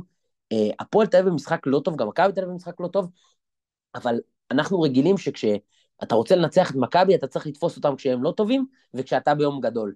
זה לא מה שקרה. מכבי היו לא טובים והפועל היו לא טובים, אבל ברבע האחרון הגיע אה, קסבר מנפורד, אה, ופשוט על האין הגנה של מכבי, פירק אותם וניצח את המשחק, מכבי חייבת לשמור כדי לנצח, אה, וזה גם נכון למשחק נגד הנדולו. אה, למכבי השנה יש לא מעט מזל בלפגוש קבוצות פצועות, גם, גם אגב נגד בסקוניה, הייתה חסרה גם הפעם נגד הנדולו. היא מגיעה פצועה, ואחרי הפיטורים של ארדה, שאני מאוד מאוד מחזיק ממנו, אבל אתה יודע, בסוף הוא עשה עונה אחת מדהימה, ולא הרבה יותר מזה, אז עוד נצטרך לראות באמת איך, ה, איך המאמן הזה נראה. אמ, באמת, הנושא של הביתיות הוא מאוד מאוד משמעותי, אה, וכל משחק של מכבי עכשיו עד סוף העונה יהיה קריטי, כי המאבק על הפלייאוף, על הפליי-אין, אה, מאוד מאוד מאוד צפוף. כן, אגב, אה, שוב, אנדולו, דיברנו על זה עכשיו, אתה, אתה יודע, על, על העניין של הטלטלות שלה, בסוף זה לא רק, אתה יודע, העניין של הבית חוץ, זה גם העניין שהקבוצה הזאת, אה, צ'אם פשוט לא, לא, לא הצליח להוציא ממנה את הפוטנציאל. אם אני רגע מסתכל כאילו על, על המצ'אפ, והזכרת נגיד את אמיר בלאט, פה אני חושב, אגב, זאת הייתה טעות של מכבי תל אביב, כי תמיר בלאט, המחיר שלו במובן מסוים זה שני שחקנים. והרבה יקום ויפול במשחק הזה על הספסל, ואני שוב אה, גם חוזר לעניין של הרוטציה הרחבה, זה קצת שאלת מיקרו ומקרו ביחד, כאילו, הסיפור הזה. כלומר, מה מכבי תל אביב יכולה למכור מול הנדולו אם אין לה את הספסל, ודיברת על זה שהספסל לא ממש הגיע, ותמיר, מה יכולה למכור?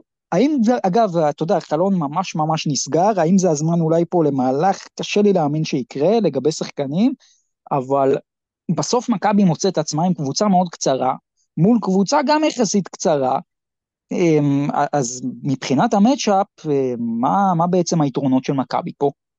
תראה, לגבי להביא שחקנים, אני אה, לא רואה את זה קורה, ואני אגיד לך יותר מזה, אם זה יקרה, אני חושב שזה יגמור סופית את, אה, את הסגל הזה ואת מכבי, כי אחרי כל הבלגן שהיה עם, ה, עם הכסף, לבוא ולהגיד, הנה, אנחנו שמים עוד 400, 500, 600 אלף דולר להחתים שחקן עד, עד סוף העונה, איזה תותח, זה ייראה רע מאוד בעיניים של אה, לורנזו ושל וייד ושל בונזי, וכן הלאה וכו'.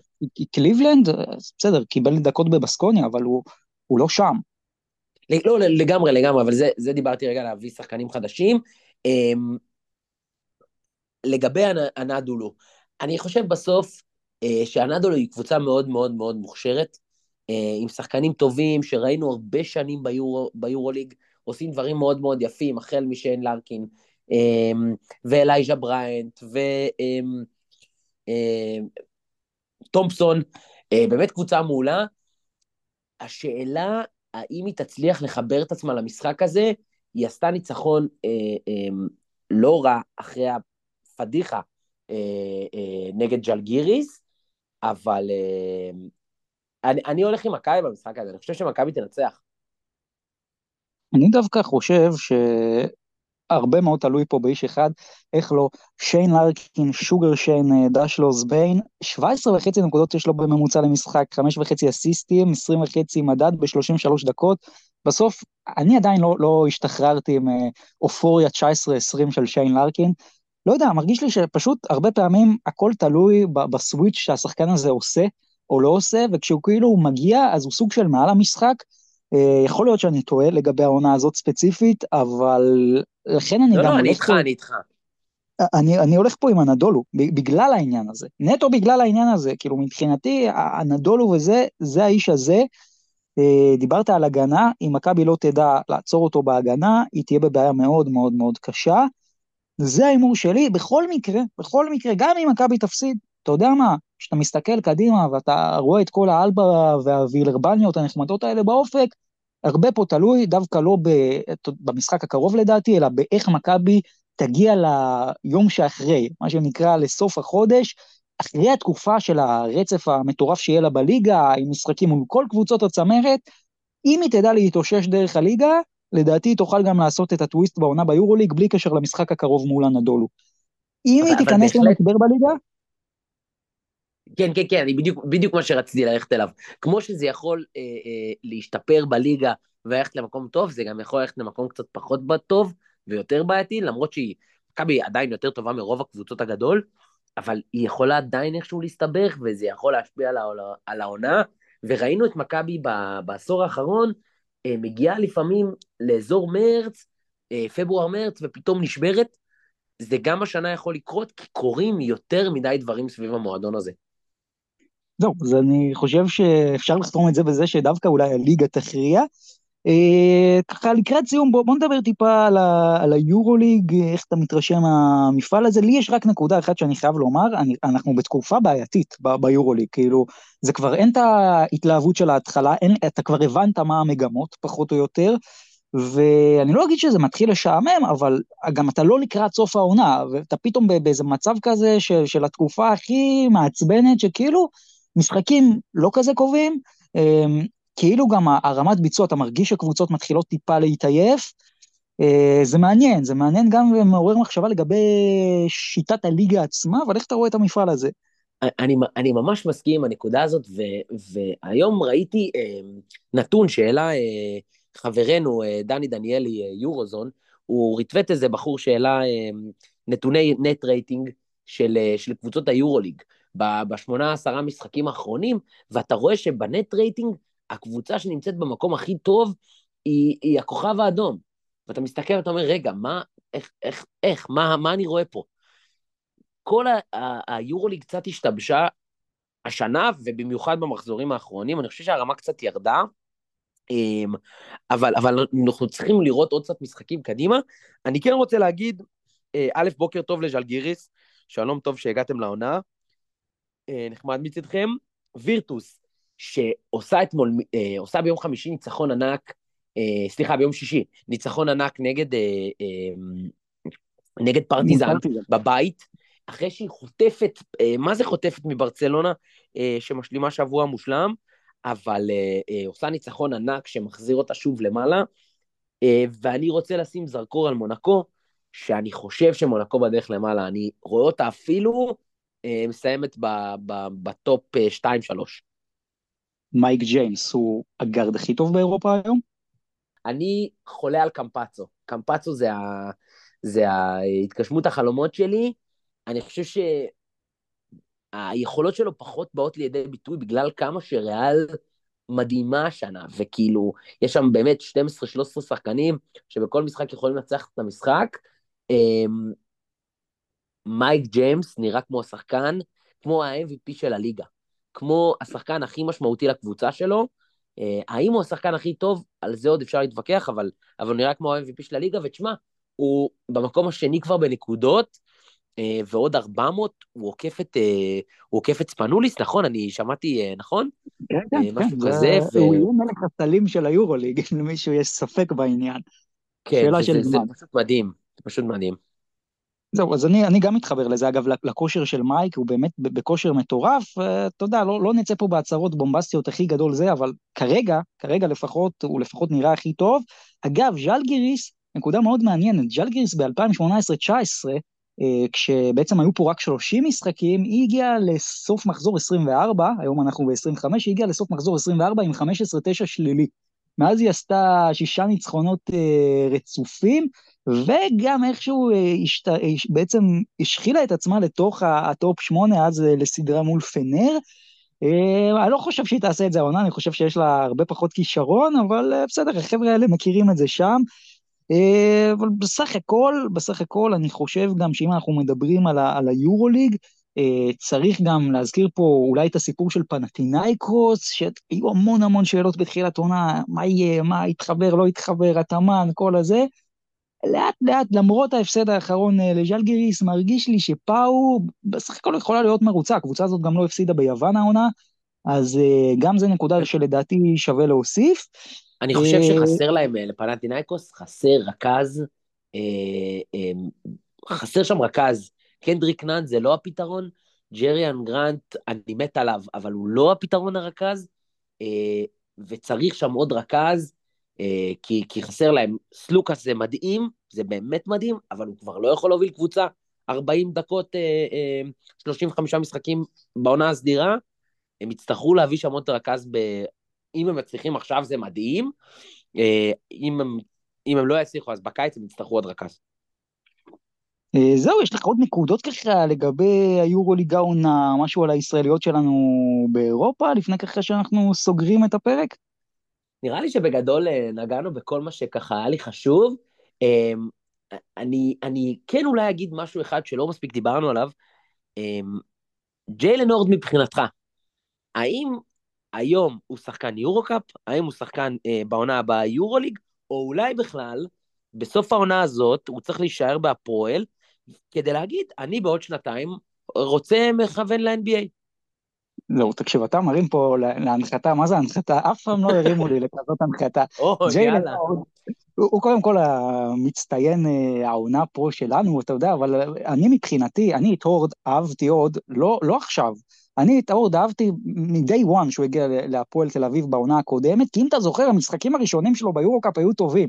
הם היו טובים, ואחרי זה באה דעיכה. אמ, לדעתי ג'יילן הורד, ג'יילן הורד הוא שחקן NBA, בסדר? כאילו, סליחה על, ה, על הנחרצות, הוא שחקן ברמות הכי גבוהות שיש, מבחינת תקרת זכוכית, יש לו עוד הרבה מאוד גם לאן לצמוח, שזה מה שמרשים, כל מה שהוא עושה עכשיו זה כאילו אתה יודע, בהתחלה. אה, אם אתה שואל אותי, קודם כל הפועל חייבת לעשות הכל כדי להשאיר אותו, מה שיהיה לא נכון, זה מאוד תלוי אגב איפה הפועל משחקת בעונה הבאה, אם במקרה איכשהו יהיה, אתה יודע, עושים את זה וזה יורוליג, אז הייתי נשאר. אבל אם אני הוא, אני מנסה כן טיפה להתקדם אחרי השנה הזאת. אה, כלומר, אני חושב שג'יילן הורד בעונה הבאה, אם אין לו הצעה מה-NBA, הוא צריך להיות ביורוליג, כי, כי זה המקום שלו, והוא יכול להיות שם סיפור הרבה יותר גדול אפילו מקולסון, או משחקנים, אתה יודע, שיגיעו ככה מגם הרמות האלה של יורו-קאפ BCL, הוא פשוט שייך לשם, הוא, הוא אחלה, אחלה שחקן, ופשוט שחקן מדהים, אין לי, כאילו, באמת אין לי עוד מילים להוסיף על ג'יילן, אבל זה, זה אחד מהסיפורים הגדולים העונה באירופה לדעתי. אז, אז הטייק שלי עליו באמת בשני משפטים, אמ, לדעתי ג'יילן עדיין לא שחקן NBA, ואני חולה עליו, באמת, מהאהובים עליי, אני חושב שחסר לו נדבך אחד בחש... מאוד מאוד חשוב, שבלעדיו הוא לא יכול לעשות NBA, וזה הזריקה לשלוש. אמ, ראינו אותו מדי פעם זורק וקולע, אבל ממש לא מספיק, הוא חייב להפוך את זה למשהו, לכלי אמיתי, אמ, ודווקא בגלל זה, אני חושב שהוא צריך להחליט שהוא נשאר עוד שנה בהפועל ועובד על הדבר הזה, ונותן לעצמו לזרוק, כי ביורוליג, אם אתה זורק שתי זריקות ואתה מחטיא, אתה תהיה בחוץ. בהפועל, ביורו-קאפ, אם אתה תזרוק שתיים, שלוש ותחטיא, בגלל שאתה כל כך משמעותי וכל כך טוב ומשנה את הקבוצה, אמ, אתה תישאר לשחק, וזה, ו, ויש לג'יילנד בעיה שהוא בחור אה, אה, טוב מדי. הוא בחור מדהים והוא מקסים, אבל הוא קצת טוב מדי, הוא צריך להיות רע יותר, לא, לא רע ב, ב, ברמה, ברמת הכדורסל, אלא ברמה האישית, צריך לקחת יותר על עצמו, לזרוק יותר לשלוש, אה, אה, ולהמשיך לגדול, כי בעוד שנתיים הוא בהחלט יכול, אה, אם ישפר את הדבר הזה של השלשות, אה, להיות שחקן NBA. חד משמעית. חד משמעית, אני אגב מאמין שהקליעה לשלוש אה, תגיע בעניין שלו. אה, זהו, תשמע, קודם כל אה, ברכות, עשינו פה ביחד היסטוריה, אני חושב שזה הפרק הכי ארוך בתולדות אנחנו במפה. אשכרה. מבחינתי אנחנו גם ממשיכים עוד שעתיים, כמה שרק אפשר. היה לי כיף גדול, זה גם ההזדמנות, אגב, כן, זה גם ההזדמנות רק לומר למאזינים שלנו, שעדיין כאן, חבר'ה, אה, שימו עוקב לאמרו לו, אה, באמת, אה, תנו ככה. שוב, המלצה שלי באופן אה, אישי פה, אני מקווה, חידו, שאתה לא מסמיק אה, יותר מדי מבעד למסך, אבל אה, אחלה פודקאסט, מי שאוהב כדורסל אירופי, יורו-קאפ, הפועל תל אביב, ממליץ מאוד. אה, זהו, חידו, ככה מילות סיכום שלך. היה לי ממש ממש כיף, תודה רבה רבה רבה שהערכת אותי. אמ, אתם בהחלט מוזמנים לעשות לנו אה, עוקב או, או להאזין לנו, אנחנו נמצאים בכל הרשתות וזה, אה, יש לנו אמ, לשלושת המובילים של הפודקאסט גם אה, אמ, פרופילים די משמעותיים בפידים מסוימים בטוויטר, חיז'ו, הבחור עם השיער הצבעוני ובן קפלן, וזהו, תודה רבה אחי, היה לי ממש ממש כיף. זהו, אז אנחנו נתראה פה איתכם אה, גם בפרק הבא, ה-75 שלנו לסיכום השבוע שהיה ככה לישראליות אה, באירופה, ועד כאן אנחנו היינו הפעם, שיהיה לכם שבוע מדהים. אנחנו במפה ואנחנו נשארים במפה, לא רק בספורט, לא הכל.